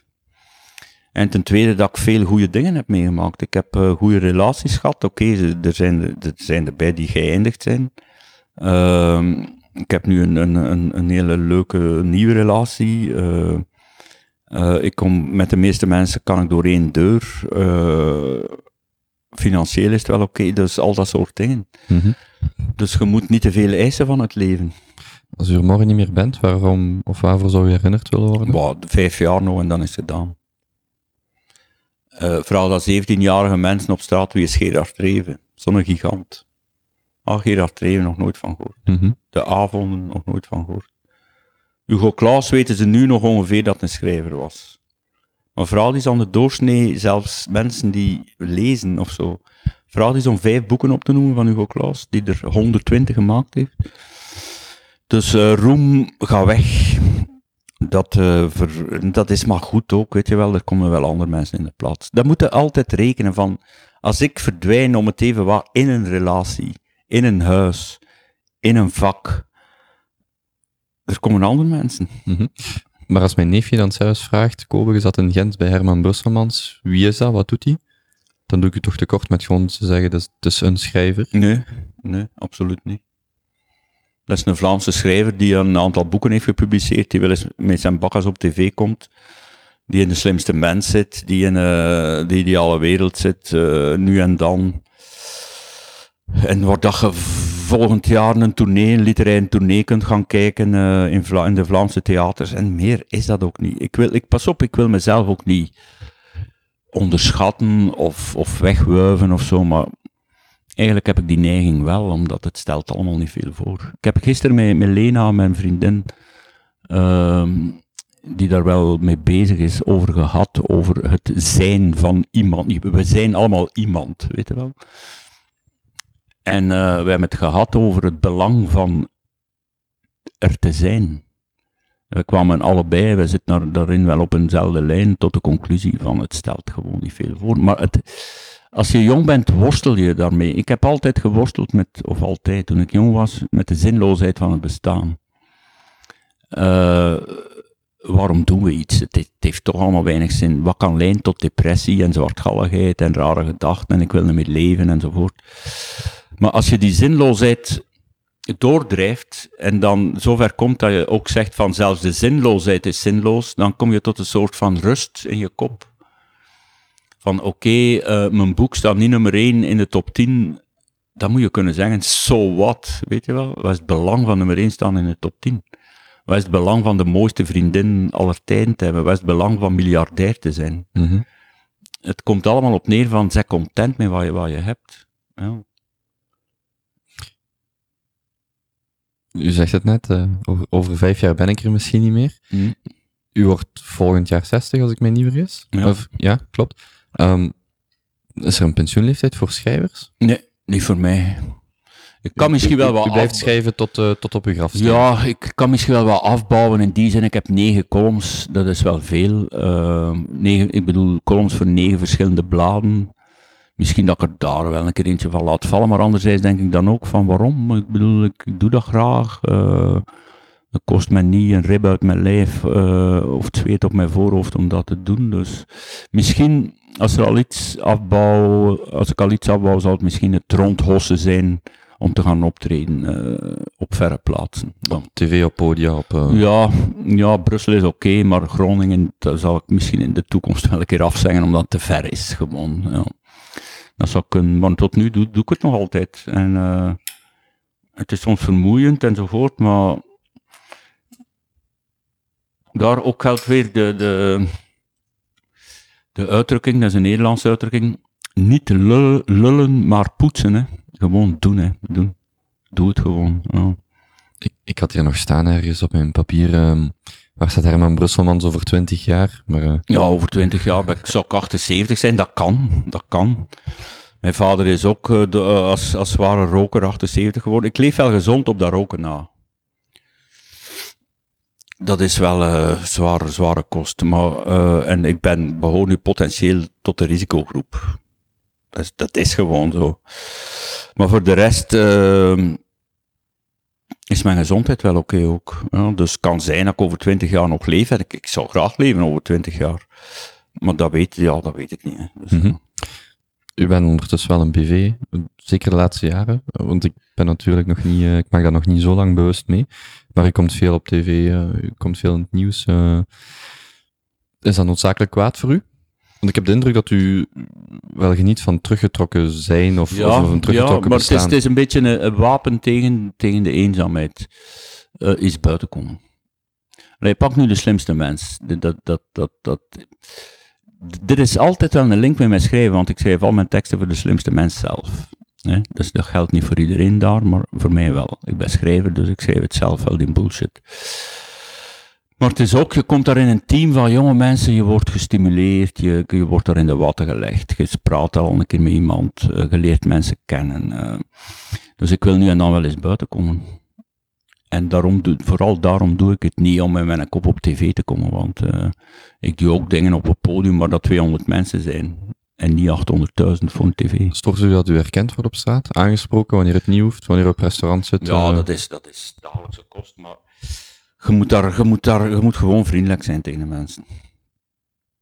En het enige probleem is als ze zat worden. Als het s'avonds laat is. Kijk, je moet daar eerlijk in zijn. Eh, ik, vorig jaar ben ik met Erik van Looyen, Kevin Janssens, die gasten zijn van Antwerpen, die kennen Gentse feesten niet, die wou me per se mee mee naar de Gentse feesten. Ik had gezegd, jongens, dat is echt niet te doen. Dat is niet te doen. En we zijn dan naar de graslei geweest, eh, onder andere in de Vlasmarkt, en ja, je wordt, dat wordt echt overrompeld. Dus dat, dat kan je verkiezen.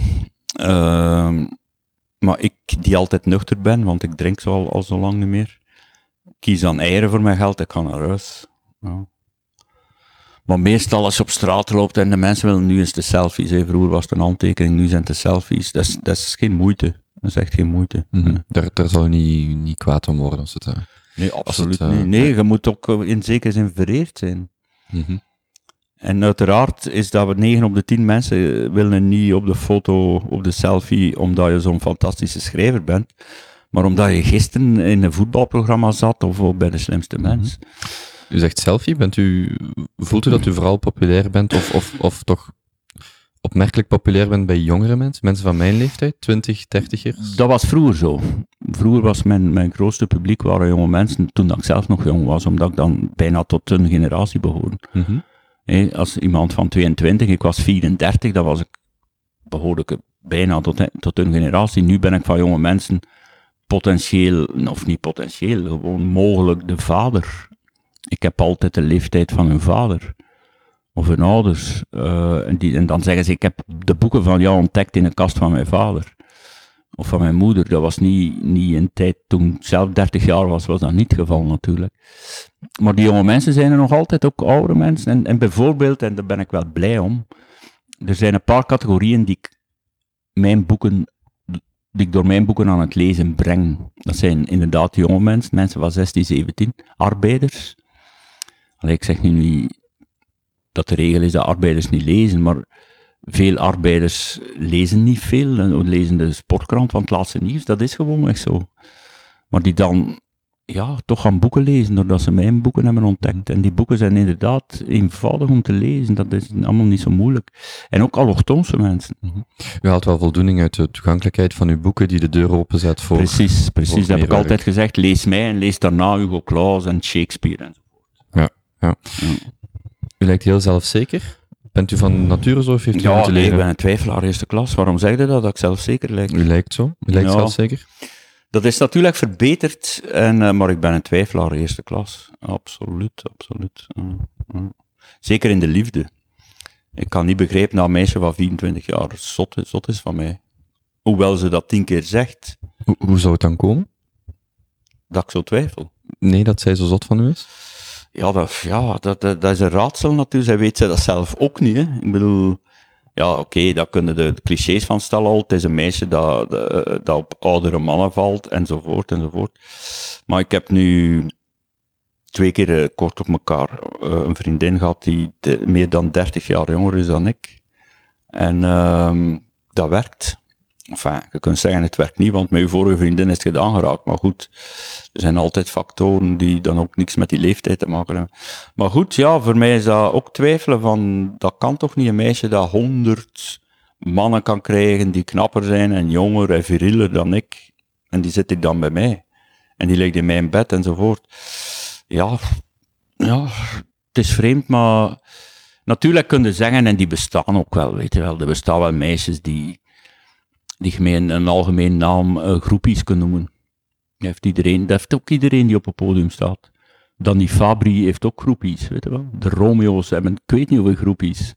Hè? Die natte slipjes naar het podium gooien enzovoort. Iedereen die op het podium staat heeft, ik heb het al gezegd, de voor- en tegenstanders en bij die voorstanders er zitten groepies. Ja. Ja, maar je, je, je merkt bijna meteen wat het motief is van zo iemand. Mhm. Ja. Als u zegt, ik twijfel, ik ben een eeuwige twijfelaar, hoe, hoe- bent u daar dan in de jaren doorheen geëvolueerd? Ja, ik heb, ik heb heel lang Of heeft u daarbij geholpen? Of, of? Ja, kijk, twijfel en, en, en alles wat, dat, wat dat daarmee samenhangt, zoals zwartgalligheid, depressiviteit enzovoort, die hadden allemaal te maken met mijn angststoornis. hè. Ik, heb, ik heb echt ziekelijke angststoornissen gehad. En wat dat mij daarbij geholpen heeft, is de wilskracht. Echt vanuit mezelf dan. De steun van mensen om mij heen en pillen, gewoon chemie. Ik slik de rest van mijn leven pillen. Mhm. Dus en die combinatie van die drie heeft er mij voor 90, 95 procent van afgeholpen. Ja. Wat zou daar de oorzaak van zijn? Of, ja, ik ben bij een psychiater geweest die ene keer en die zei van, eh, van we gaan nu eens beginnen bij uw geboorte. Maar dan dacht ik, zei tegen die man, dokter, sorry, maar jij kan misschien na zeven maanden ontdekken dat er iets gebeurd is in mijn jeugd, maar eh, ten eerste, ik herinner het mezelf niet als er al iets ergs gebeurd is. Ik denk het niet. En ten tweede, ik schiet daar niets mee op. Ik wil nu een pil die mij nu, op dit moment, van mijn angstaanval afhelpt. Dus iedereen kan zich laten analyseren door een psychiater en er komt altijd wel iets boven, weet je wel. Maar dat interesseert me niet. Ik zit gewoon, ben geboren met dat gen, met dat, met dat angstgen. eh, en, en dat kan erfelijk zijn. Mijn moeder had het ook wel. Ehm, eh, maar goed, ik, wat de oorzaak daarvan is, en of dat dat is omdat ik als driejarige kleuter een paar meppen tegen mijn muil heb gekregen van mijn vader, dat interesseert me niet. Hoe belangrijk is de kinderwens of de, de beslissingen die u daar heeft genomen? Mijn eerste vrouw werd niet zwanger. Alles was oké bij allebei. Van u, als ik dat mag vragen? Of, of Nee, die, kon, ja, die werd gewoon niet zwanger Oké. van. Wij, wij, wij werden, eh, wij, enfin, zij werd niet zwanger van mij, en hoewel alles onderzocht was. Ik was oké, zij was oké, samen was het oké, maar ze werd niet zwanger. En eh, Tanja heeft meteen gezegd, bijna de eerste week toen we echt een koppel waren van ik wil geen kinderen, wat ik respecteerde. Dan eh, Melissa, mijn jonge vriendin, wou wel een kind, maar over tien jaar, maar ja, dat hebben we niet gehaald samen. En Lena eh, twijfelt. En terecht. Want een kind opschepen met een vader van 60, dat is toch ook wel iets. Dat is ook wel een item. Nee, dat kind gaat zijn vader, dat kind gaat nooit echt volwassen zijn als die vader nog leeft. Of Mhm. gaat alleszins al een hele oude vader hebben. Dus, eh, dus ik denk niet dat er van komt. Nee. Herman Brusselmans in een koelcel? Ja, nee, laat maar zitten. laat maar zitten. Nee. Is er één ding wat u aan uzelf zou veranderen? Goh, weet je, als je eh, bescheiden bent, zou je zeggen van ongeveer alles. En als je onbescheiden bent, zou je zeggen niks. Dus ehm, laat ik voor één keer onbescheiden zijn en zeggen van nee, ik zal niks veranderen, omdat ja, je kan zeggen ik zou 10 centimeter groter willen zijn, of ik zou knapper willen zijn, of ik zou Wimbledon willen winnen en een goede tennisser willen zijn. Eh, het is wat dat is. En eh, nee, laat maar zitten. Ja. Wat associëren mensen niet met Herman Brusselmans, wat u wel nog aan het hart ligt? Bah, een, ik denk vaak toch een zekere serieus. Mensen denken dat ik een zwanzer ben. En dat zijn dan mensen die mij kennen van de, de slimste mens of zo. Dat ik, al, dat continu aan het zwanzen ben, weet je wel. Wat dat niet zo is. Ik ben geen, geen tafelspringer en geen feestneus en eh, geen ambiancemaker enzovoort. Tenzij verbaal. Weet ik wel, als ik de kans krijg om verbaal iets te betekenen, wil ik het wel doen. Maar ik ben meer toch een luisteraar dan een prater. Eh, behalve face-to-face in een, in een relatie of, of, of, of one-to-one, weet je wel, of met een kleine groep, daar kan ik wel eens een aantal filosofieën op tafel smijten. Maar ik ben in wezen ben ik redelijk serieus. Ja. Trouwens, ik vind humor vind ik ook een vak. Dat is een vak. Het is een levensinstelling en het is ook een vak. Je moet mee alles kunnen lachen, alles behalve lijden en de dood. Maar eh, je, als je grappen maakt, moet je eigenlijk er, moet je eigenlijk alleen maar goede grappen maken. En dat is ook wel wat werk aan. Vallen en opstaan, neem ik aan. Ja, absoluut. ja, Mhm. ja. Trouwens, de meeste grappen zijn ook al gemaakt. Hè. Mhm. Ja, Zeker de context van, eh, van de meeste grappen. ja voilà. We hadden het over literatuur, eh, sport, uw, voetbalcarrière, over eh, motoren, over uw liefde. Bepaalde hobby's? Hobby's zijn- Als mensen die van u zouden wegnemen, dat u zegt, het hoeft voor mij niet Ja, meer? die ja, niet, Of hebben we ja. alles... eh, of- Motorrijden is een hobby en, en lezen is een hobby, maar dat is eigenlijk geen hobby, dat behoort bij mijn vak. En op restaurant gaan, weet je wel. Ik ga veel op restaurant, ik kook zelf niet, dus eh, ik ga alleen en, en, en samen met mijn vriendin of met mijn ex-vrouw ga ik geregeld eens op restaurant. Eh Aanraders? hier Gent, veel. Ja. Heeft u gelijk een stamcafé, nu een vast restaurant? Of, eh? Ja, ik heb er een aantal. Het Keizershof op de vrijdagmarkt, ehm, de Nabajour, hier in de buurt. Hè, ehm, Samen 6 ga ik geregeld, dat is een koffiehuis. Eh, maar ik probeer ook nieuwe dingen te ontdekken. Zo. Ja. Gent is tenslotte, ja, er, zit- er, er is van alles. Hè. Mhm. Dus, eh, ik ga ook, wat, wat ik nu weer weer eens opgepikt heb, is naar de bioscoop gaan, naar de cinema. Dat ook nu wel, wel geregeld weer is met mijn vriendin. Zo gewoon op de Bonnefoy eigenlijk. Eh, we zijn naar de Biggest Splash geweest, omdat Matthias Schoenaars er meedeed. We zijn naar L geweest, de, de Franse film van Paul Verhoeven. Dus altijd wel een film waar er zoiets bijzonders aan is, zo, weet je wel. Maar niet baserend op kritieken of, of recensies of zo. Maar geen eh, Marvel Universe of, of, eh, of een of andere superheldenfilm? eh, ja, de superhelden. Ik ben, ben- ik ben altijd, altijd fan geweest van, eh, van actiefilms ook. Maar de laatste actiefilm die mij echt van mijn sokken blies, dat was Terminator 2. Terminator 2 in de jaar, begin jaren 90. Omdat achter, daarna, dat is eigenlijk begonnen met Jurassic Park. En dat stond nog een beetje in de kinderschoen. Maar bij, bij, bij, bij eh, Terminator 2 bijvoorbeeld, en ook nog een beetje bij Jurassic Park, zat ik te denken, hoe kunnen ze dat? Hoe doen ze dat? Mhm. Terwijl nu weet ik dat ze alles kunnen met computer. En dan is er bij mij zo de grap wat af, zo, weet je wel? Of de grap, ik bedoel... Ik moet mij kunnen verwonderen. En nu in de film... Ik zie liever een, een heel simpele praatfilm dan een actiefilm nu. Mhm. Omdat ik weet, ja, ze kunnen echt alles. Ja. Ik zou ben aan het denken, kan ik hem een suggestie doen?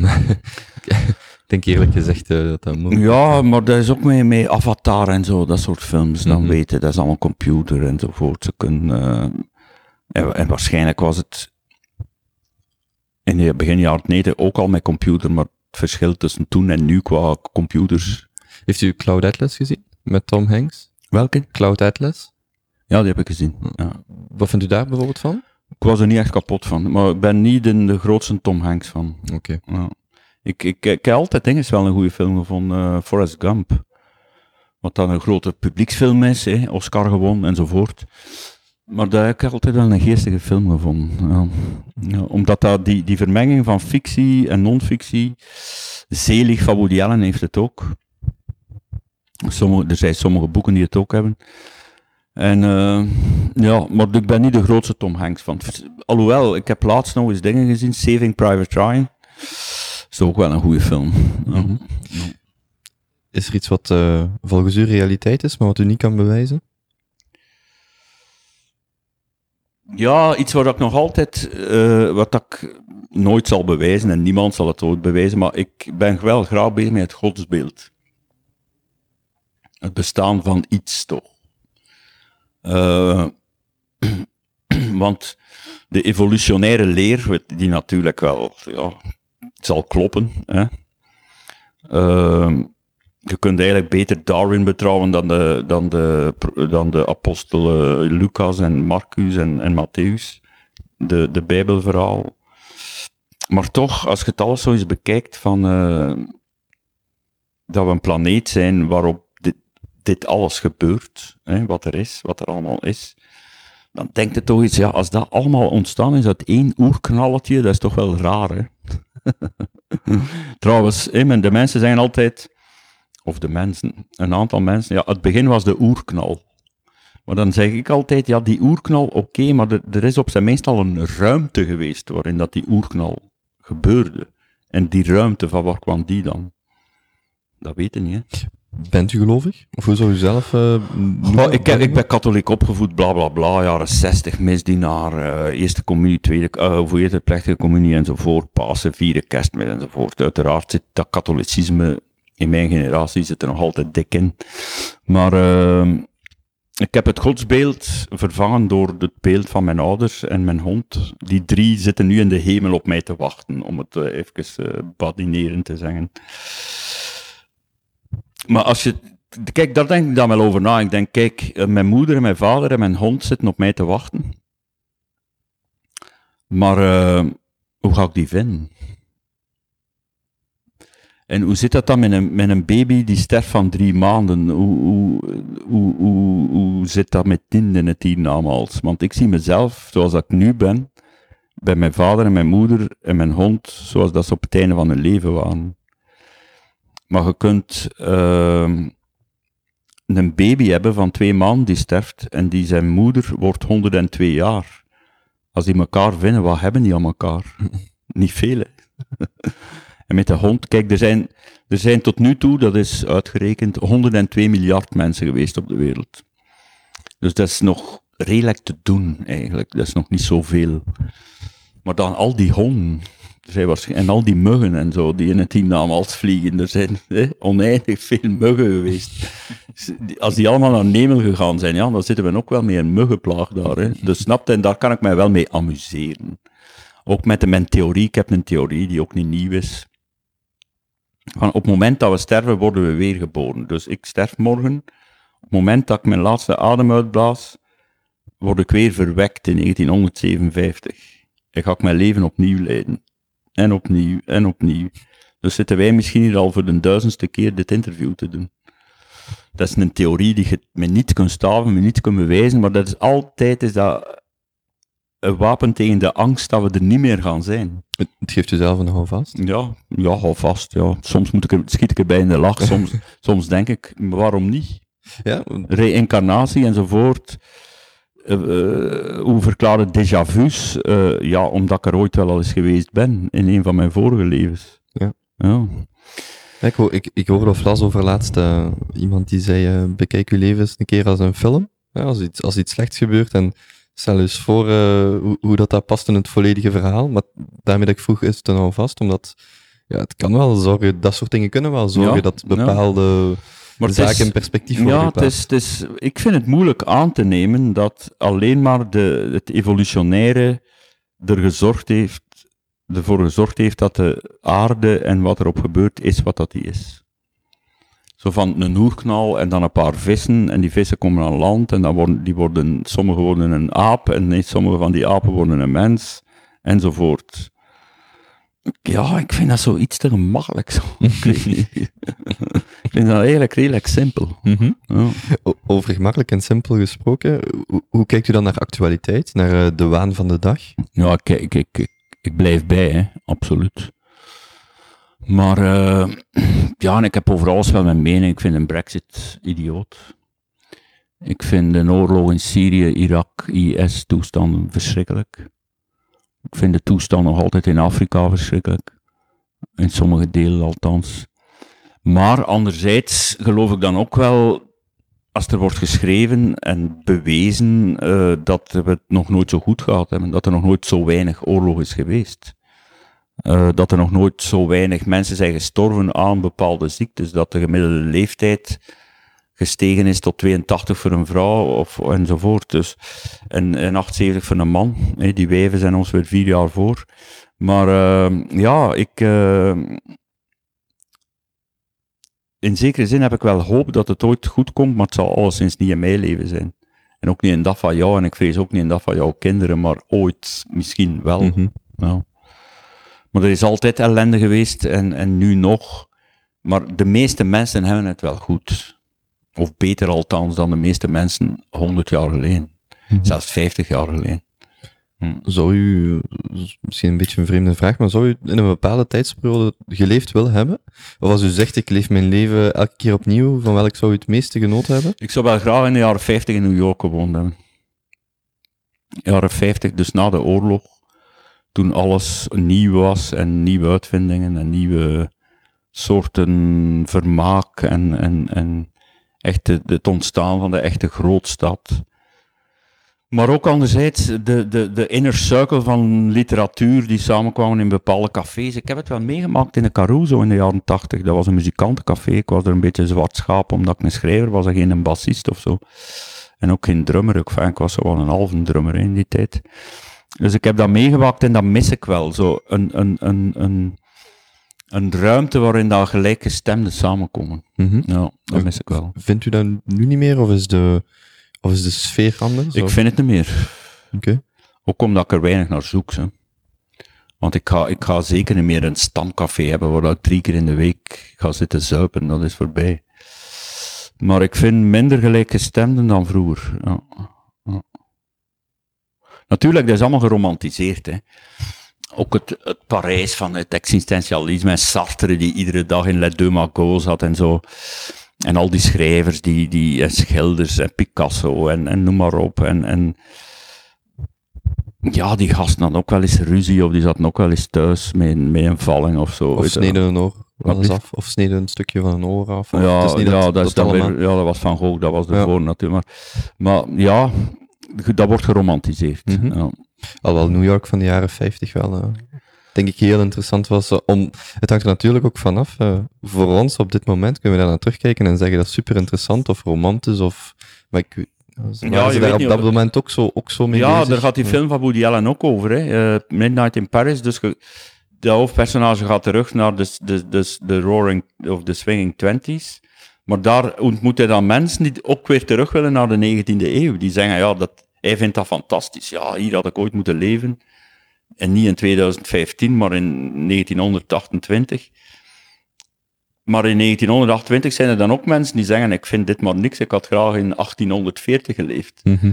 Dus ja, eh, maar ik, ik, ik, ik heb vooral dan het beeld van New York uit de jaren 50 door de romans van Saul Bellow en zo. En Bernard, Bernard Malamud en al die mensen ehm, die toen schreven en, en, en, en James Turber en zo. En de New Yorker en, en weet je, die hele, ik, ik ben nog nooit in New York geweest, Tanja wel en een aantal andere mensen ook natuurlijk die ik ken. En die zeggen toch van, het heeft toch wel, ik weet niet of jij in New York Nog niet, nog niet. dus ik, en ik denk niet van ik wil eens drie weken naar New York, maar ik denk wel, ik had daar wel kunnen wonen. Mhm. Ja, ja. Ik ben, ben over uw re- reïncarnatie aan het denken. Misschien de volgende keer in, eh, in New York. ja waarom niet eigenlijk? Ja. Maar ja, maar als, het- als, als het gaat zoals dat ik het zie, de reïncarnatie, dan kom ik nooit in New York. Ja. Brussel in 57 was waarschijnlijk ook wel de moeite.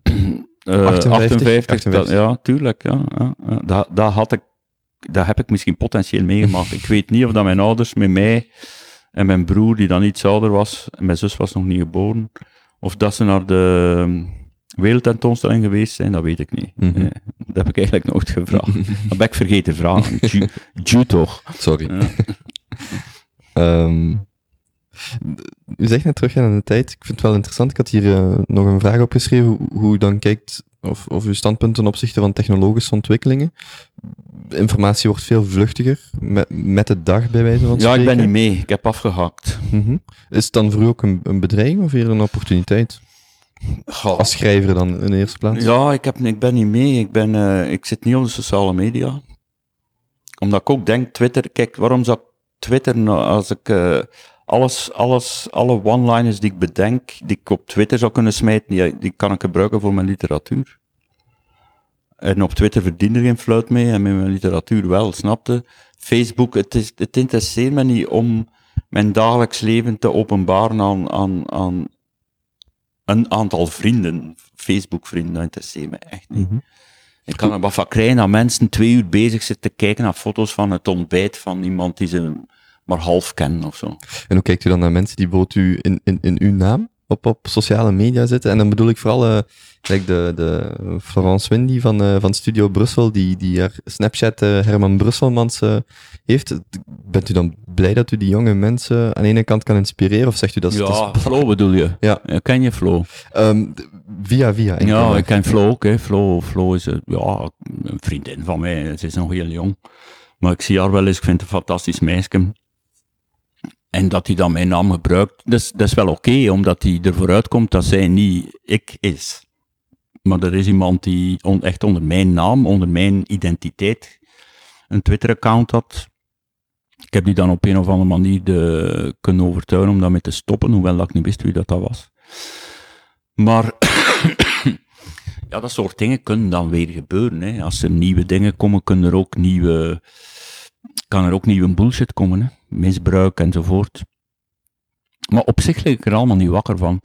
En uiteraard zijn mensen van, van v- 25 of, of, of zo die denken over mij van dat ik conservatief ben of ouderwet of whatever. Ik probeer daar wel wat tegen te gaan, maar ik hoef niet met alles mee te zijn. Ik hoef mij ook niet te gedragen als iemand van 25. Mhm. Ik vind dat 25-jarigen op een andere manier moeten leven dan ik. En die manier sluit niet uit dat we toch overeenkomen. Kijk naar mijn, ik en mijn vriendin, snapte? Uiteraard heeft hij een ander leven dan ik. Dat leven is veel cosmopolitischer. Die, Wat bedoelt u daarmee? die woont in Brussel en die, die kent duizend nationaliteiten en die kent duizend mensen en die gaat uit en die danst enzovoort. Dat wil niet zeggen dat ik iedere keer moet meegaan omdat dat mijn lief is. Hè. Want ik zie mezelf niet staan in een discotheek of in een danscafé als 58-jarige die nooit gedanst heeft. en die daar staat tussen 20-jarigen omdat zijn vriendin ook 20 is of 24. Dus eh, je, moet, je moet ook generaties hun eigen leven en hun eigen gewoontes en gebruiken gunnen. Ja. Mhm. Ja. Dus een meisje van 24 moet zich niet aanpassen aan haar lief van 58 door een beetje ouderlijk te gaan doen. En omgekeerd ook niet. Je moet elkaar ergens vinden in de liefde en de verliefdheid en, en, en, en op de gulden middenweg. Dat, en dan kan je wel, ondanks dat enorm leeftijdsverschil, een goede relatie hebben. Wat zijn de sterktes van Herman Brusselmans, de romanticus? Ja, dat ga, ik, dat, dat, dat ga ik niet vertellen, maar ik kan wel romantisch uit de hoek komen, ja. ja. Maar dat, dat is privé, dat is privé. Dat is privé. ja, ik zou kunnen zeggen, ik koop nu en dan een bloemetje, maar dat is, dat is niet eens waar, weet je wel. Maar ja, in, mijn- in de omgang, de echte face-to-face omgang met mijn lief, kan ik wel heel romantisch zijn, ja. ja, ja. Ehm, kan u Nee, ik kan geen eh, voorbeeld geven. Nee, nee, nee. Ik, ik, ik, maar, ik zal het zo zeggen. Ik heb de, de vraag aan Karel van Nietveld gesteld. Eh, hoe ziet een romantische avond bij je eruit? En behalve een keer naar de cinema of... eh, Ja, Hoe- maar dat begint met gaan eten, de cinema, eventueel, maar ook veel praten. Echt, ik, ik, ik, ik en Lena, wij praten veel omdat we elkaar nog moeten leren kennen. mhm. Dus ik wil echt iemand tot op het bot kennen. een, een goed gesprek is een goede eerste date. Ja, en een goed gesprek kan bij, kan bij mij zes uur duren. Hè. Ja, we, hebben, we hebben het al twee keer gehad. Echt begonnen om elf uur eh, te praten s'avonds, tot en ineens beseffen dat het vijf uur 's morgens is. En, dat, en, en pas op, dat is niet alleen praten. Hè. Je zit dan ook wat romantiek en erotiek uit te wisselen enzovoort. En ja, dat is, dat is bij mij wel... eh, ja, ik ben een prater, ik ben verbaal ingesteld. Zij ook, trouwens. Melissa ook, mijn vorige vriendin Tanja ook. Dus ik, eh, ik, daarom dat ik nooit een relatie zal beginnen met iemand die totaal anderstalig is. Bijvoorbeeld een Italiaans meisje dat geen enkel woord Nederlands, Frans of Engels spreekt, dat gaat niet lukken met mij. Mhm. Nee, ik moet mij verbaal kunnen uiten. Ja. Mag ik je nog een aantal snelle vragen stellen? ja. Oké. Om mee te sluiten, Om mee te sluiten? om mee af te sluiten bedoel je? Ja, nog een, nog een twintigtal minuten als dat, als dat oké is voor u. Ah ja, oké. U, ja. mag daar, u mag daar snel, u mag daar eh, uitgebreid kort op antwoorden zoals u zelf wilt. Ehm het zijn eigenlijk altijd vragen die ik aan iedere gast stel, om vanuit de achtergrond van de gast eh, te kijken hoe dat die daarop eh, een mening hebben of vormen. Welk middelbare vak zou u verplichten? Middelbaar vak op de middelbare school. Mhm. Ja, geschiedenis moet alleszins blijven. In dezelfde vorm of meer geschiedenis? Recente geschiedenis. Niet van eh, keizer Karel en zo, maar de, ja, van, ja, vanaf de Tweede Wereldoorlog. Moderne geschiedenis, nieuwe tijden. Dat bestaat ook wel aan de NIF, geloof ik. Of in mijn tijd althans. Maar eh, het wordt ook wel wat ondergesneeuwd, hè, geschiedenis. En geschiedenis kunnen geven aan de hand van romans, aan de hand van literatuur, film, muziek. eh, ja, geschiedenis. Ja. Nog een specifieke focus op een globale geschiedenis, Belgische, Europese geschiedenis? Ja, laat, ja, wereldgeschiedenis toch wel. Mhm. Ja, dat is heel ruim natuurlijk, hè, dat weet ik ook wel. Maar eh, ja, de grote hoofdpunten zou ik toch wel eh, aan, meegeven aan de mensen. Ja. Mhm. Heeft u een favoriete kunstvorm? Ja, literatuur. Ja. Ja, ja. Duidelijk op plaats 1. Dat staat bij mij in, in de pickorde op nummer 1, 2 muziek, 3 film. Ehm, en dan 4, ja, beeldende kunst wel. Ik het u toch, ik was niet zeker of ik u de vraag zou stellen, maar een favoriet boek?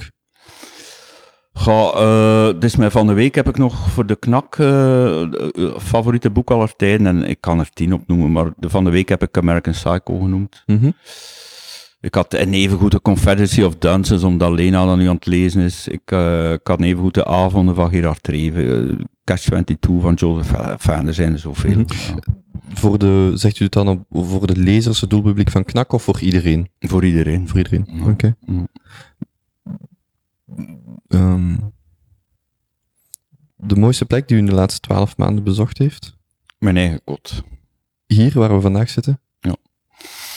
Allee, dat heb ik niet bezocht, ik woon hier, hè. maar eh, ja, dan zeg ik weer, een romantische uitstapje met mijn vriendin naar het parkje aan het Sluizen, dat is hier niet ver van. Daar heb ik wel, eh, ja. Maar ik ben de laatste twaalf maanden nergens geweest, behalve op tournee in Nederland. Eh Zand, eh, Zwolle enzovoort, allemaal leuk, maar ja, ik kom daar, ik doe mijn dingen en ik ben weer weg. Mhm. Ja. Wie zou u nog willen ontmoeten? Eh, ik ga, denk ik, binnenkort is het mogelijk. Dat is eh, nog niet afgesproken, maar dat, via via gaat dat eh, afgesproken worden. En dat is niet echt uit de lucht gegrepen. Hans Steven zou ik graag eens mee babbelen. Mhm. Ik ben een enorme fan van Hans Steven. Hoe zou zo'n gesprek eruit zien? Goh, ik denk dat dat, dat, dat- ik ken hem niet, hè, maar dat zou interessant kunnen worden om eens te spreken over het proces, over het creatieve proces, van hoe doe jij het en, en, en hoe zit dat bij jou en hoe schrijf je je teksten en, en, enzovoort. Hij doet cabaret, maar hij is in de eerste plaats bezig met teksten. Hè. Ja. Mhm. En voor de rest iemand, iemand die, die, eh, die ik ooit heb kunnen ontmoeten, maar het geweigerd heb, is Woody Allen. Er was ooit een programma op tv via Van Oudenhoven, Rob van Oudenhoven, Mhm. die twee mensen in contact bracht. Vlamingen met internationale sterren, met een idool. En ik had voorgesteld Woody Allen en ze gingen, eh, als ik, had gezegd, als ik al iemand zou willen zien, is het Woody Allen. En ze waren bezig om eigenlijk die machine in gang te zetten, contact zoeken met managers en, en, en ik zou dan naar New York moeten. Maar toen, toen ze eraan begonnen, heb ik gezegd, je moet dat niet doen, want ik, ik ga niet naar Woody Allen. Maar ik zou hem wel willen ontmoeten, maar ik ga het wel niet doen. Mhm. Omdat ik stel me dan voor, je gaat dan naar New York, je, je stapt dan bij Woody Allen ergens binnen in, dat café, was de bedoeling, waar hij iedere week klarinet speelt. En dan zeggen, hi Mr. Allen, I'm your biggest fan en zo. How are you? How are you doing? Uh, bullshit. Laat die mensen gerust. Nooit spijt van gehad? Nee, nee. Gerard Reven heb, heb ik ook een paar keer kunnen ontmoeten. Ik heb ook geweigerd. Ik bedoel, je moet die idolen niet, niet per se zien of, Mhm. of leren kennen. Nee. Beste aankoop van rond de 50 euro in de laatste zes Van maanden? rond de 50 euro, ja, eh, etentjes. Mhm, Etentjes op restaurant. Ja, met z'n tweeën. mhm. Ja. Je bent wel een romantische restaurantganger. Ja, als ik met, ja, ik heb in, Als je op restaurant zit, is het meestal voor in, romantiek. Keizerstof, in Keizershof bel ik en als ik zeg eh, tafel 33, dan weten ze dat ik een date heb. Vragen ze ook achter uw naam? Ja, nee, die mannen eh, zijn, ma- zijn maten van mij. Die, die zien op een schermpje dat ik het. Ehm, ik heb ook een aantal vragen van luisteraars. Eh, iemand vroeg of we je ooit nog met kort haar zien. Met een, een broske. Het is wel een punt, eh, maar ik, ja, ik heb er altijd, ja, ik heb er uiteraard over nagedacht, maar ehm, ja, Tanja wil het niet, Lena wil het niet, mijn coiffeus wil het niet afknippen, dus eh, nee. Wat wilt u zelf? Ja, nee, het is oké, laat maar hangen. Het is belachelijk, hè, dat lange haar. Ja, je hebt ook wel langer haar en zo, maar ja, niemand heeft het nog, hè, maar eh, het is wel oké. Het is anders, hè? Ja, laat maar hangen. Ja. en ik soigneer het goed, dus dat is wel oké. Hoe, hoe doet u dat? Was, nee. Shampoo, conditioner van een goed merk, eh, al die shit. Ook zo met kokosolie of zo? Eh, ja, het is Aveda, dat zijn goede producten. Maar ik, ik vraag het echt oprecht, want het is de eerste keer dat ik lange haar heb. En ik Ah, ja, ja, tips. die- ja, weet je, ze zeggen kokosolie, maar dat zit er allemaal wel in. Neem Aveda, dat is een heel goed product. Aveda. Ja, Aveda, ja. En, en, en ene keer per week met shampoo? Om de vier dagen. om de vier dagen? Ja. Feunen ook, of nooit? Nee, geen fun. Nooit feunen. Oké. Ehm, iemand vroeg nog hoe u omgaat met liefdesverdriet. Ja, dat is heel pijnlijk. Dat is echt eh, de bodem van de put zitten. Ja. Heel onrustig, heel ambetant, heel woedend. Heel, ja. Ik heb het een paar keer echt serieus meegemaakt. En het heeft mij toch wel maanden gekost om daar overheen te raken. Dat ik echt maanden niet, eh, niet goed liep. Ja. Met Tanja zelfs twee jaar. En met Melissa toch ook wel een jaar, eigenlijk wel. Ja, ja. ik, ik, ik, vind het, ik vind het heel zware kost, liefdesverdriet. Ja. Went het met de tijd? Of nee, wennen is niet het juiste woord, maar... ja, eh, wen, tandpijn went ook niet. Hè. ja. Als je voor de honderdste keer echt erge tandpijn hebt, ga je niet zeggen, ja, ik ben het nu al wel gewend. Nee, nee. nee dat went niet. Nee, nee. Dat, dat, wordt, dat wordt er niet beter op, in tegendeel. Mhm. Ik denk, als je jonger bent, kun je toch wel iets beter tegen, omdat op mijn leeftijd, als je een relatie begint... Het is niet meer zo definitief of niet meer Ja, zo net levensbepalend. wel. Je wilt die relatie echt tot het einde van Ja, je leven. ja, ja, in uw geval, ja. Ja, dus eh, met Melissa, dat was echt de bedoeling. En dat was ook fantastisch in het begin. Van dit is voor de rest van mijn leven. Ik heb een jonge vrouw enzovoort. En toen dat dan uitging, zijn we nog een tijd vrienden gebleven, maar ik zag daar echt eh, zeer veel van af. Ja. De slechtste openingszin die een vrouwelijke fan al gebruikt heeft? Gaan we neuken. Dat komt wel geregeld terug. En waarom is dat slecht? Ja, omdat ik niet direct wil neuken. Ik bedoel, ik ga niet zomaar eh, in de wc van een café gaan seks hebben of zo. Oké. Ik vind dat ook veel te direct. Ik vind dat eh ja, te hoerachtig. Ook als een man het tegen een meisje zegt, hè. Daar maak ik geen onderscheid in. Maar eh, ja, dan weten dat er iets niet klopt. Hè. Ja, Dat is niet met de, de beste intenties is. eh, ja tuurlijk. Oké. Stel, u gaat terug in de tijd. Welke raad geeft u 18-jarige zelf mee? Ja, ten eerste om alles te relativeren en om niet te denken dat, eh, dat jij het belangrijkste element op de wereld bent. Eh, om, om, om te kunnen met de zin, om ervan overtuigd te zijn dat alles zinloos is, maar dat is niet zo erg. En eh, om, om, om vooral in de sociale omgang blijf beleefd tegen iedereen. Eh, ik heb vaak discussies over eerlijkheid ten opzichte van vrienden en zo. En 100% eerlijkheid kan niet. Want als ik eerlijk ben en ik zeg tegen jou, je hebt een lelijke broek aan, waarom zeg ik dat? Ik, ik als, als jij hebt die broek gekozen, jij draagt die. Dus als ik tegen jou zeg, je hebt een lelijke broek of lelijke schoenen of lelijke trui of je haar zit lelijk, zeg dat niet tegen iemand, je kwetst die daarmee. Maar de eerlijkheid in een relatie en zo, dat is, dat is wel weer iets anders. Maar eigenlijk, mijn kernwoord in het leven is straight. Ik ben straight. Ik heb geen lijken in de kast. Ik moet niet onrustig worden, want oei, die zou misschien wel eens dat kunnen zeggen, waardoor dat ik door de mand val, dat ik gisteren gelogen heb. Nee, ik moet dat allemaal niet weten. Ik ben echt 100% straight. Er zijn een paar mensen, mijn lief uh, Tanja en Erik Mijn, mijn beste maat, een striptekenaar, die alles weten van mij. Maar ik ben ook tegenover andere mensen heel straight en dat wordt mij soms, ja, niet per se kwalijk genomen, maar sommige mensen vinden dat gênant. Ik heb altijd ook geschreven. Ik, heb altijd ook wel heel straight geschreven. Ik heb ook gepraat en geschreven over erectiestoornissen bijvoorbeeld. That's not done, weet je wel. En dan zei ik, kijk jongens, slaat er iedere vorm van literatuur op na. Iemand die 40 jaar drie pakjes sigaretten per dag rookt, die wordt impotent. Punt. Dat is iets wat dat bestaat. En uh, natuurlijk, er zijn ook grenzen. Hè. Jij vraagt me, wat is romantiek voor u? Dan zeg ik wel, dat is privé.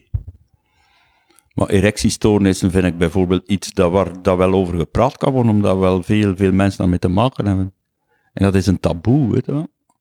Alles wat, hoe, hoe, hoe dichter dat we komen bij de totale seksualiteit, of de totale consumptie van seksualiteit, door bijvoorbeeld één knip op de muis kun je een hele pornowereld uh, op je scherm krijgen. Hoe, hoe, hoe gecrispeerder mensen worden over seks, dat vind ik iets heel, heel opvallend. Wat bedoelt u met gecrispeerd? Ja, toch nog altijd, toch nog altijd een taboe is. Mhm. Bijvoorbeeld erectiestoornissen. Bijvoorbeeld, uh, ja, allerlei dingen die, die seksualiteit een beetje een, een, een, een haar gouden randje afneemt, weet je wel. Van je kunt wel eens uh, frigide zijn of, of impotent of, of het kan niet lukken of iemand laat een scheet tijdens de seks of whatever. Zo, dat menselijke, dat is nog altijd wel een probleem voor mhm. mensen om daarover te praten, mhm. onder elkaar. Ze kunnen wel praten van, ja, Angelina Jolie, die zou ik eens goed in haar, in haar kut willen pakken. Maar niet van, ja, gisteren had mijn lief een puist op haar, op haar kont en ik vond het eigenlijk niet, niet echt mhm. sexy. Zo, snapte? Dus, uh, ja, maar straight zijn is wel mijn kernwoord. Nee, dat is dan een, een Engels woord. Eigenlijk is dat wel spijtig dat mijn kernwoord een Engels woord is, natuurlijk. hoe, zou je het vertellen? Rechtuit. Rechtuit.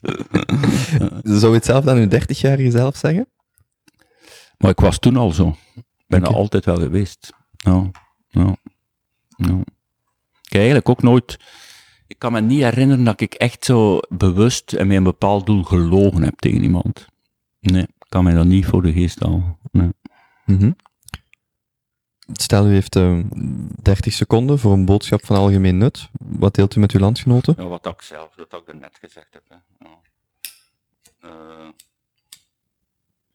laat iedereen in zijn waarde. Zelfs waardeloze mensen, laat ze maar in hun waarde. Laat ze maar het schelden op iedereen en laat ze maar racist zijn enzovoort. En als je er al tegenin gaat, doe het dan op een rationele uh, wijze waarover nagedacht is. Ik ik bijvoorbeeld heb als medium de literatuur.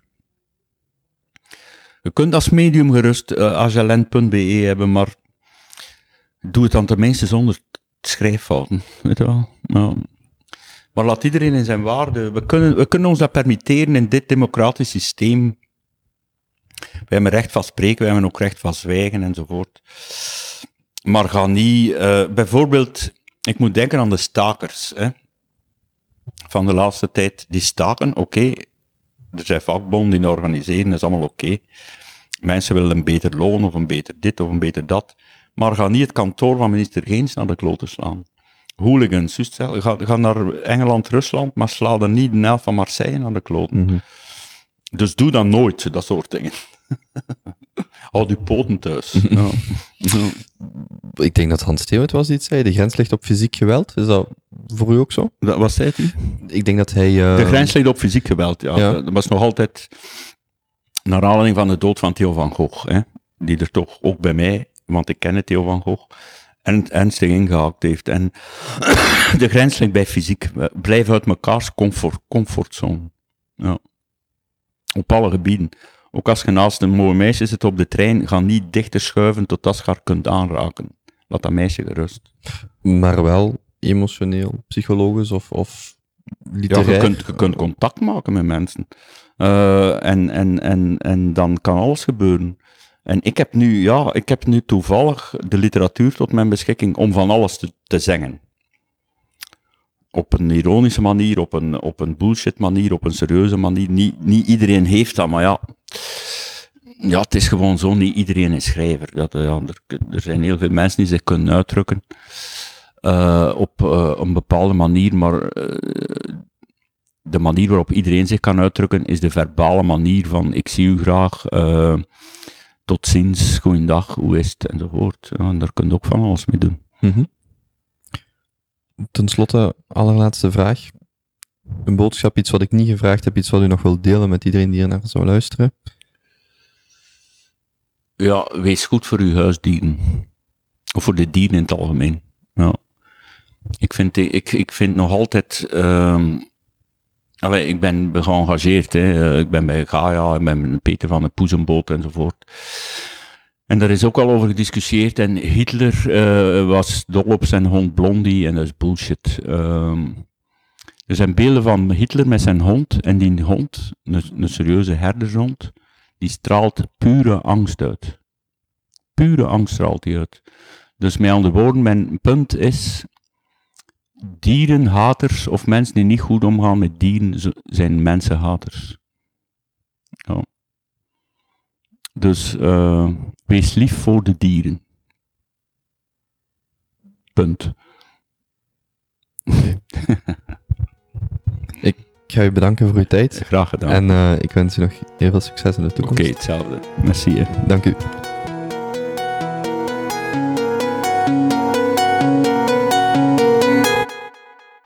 Dat was het. Bedankt om te luisteren. Check kapiteinkobe.be Herman voor alle links, informatie en wat dan nog. Ehm, tot de volgende. Yo, kapiteinkobe.be Herman.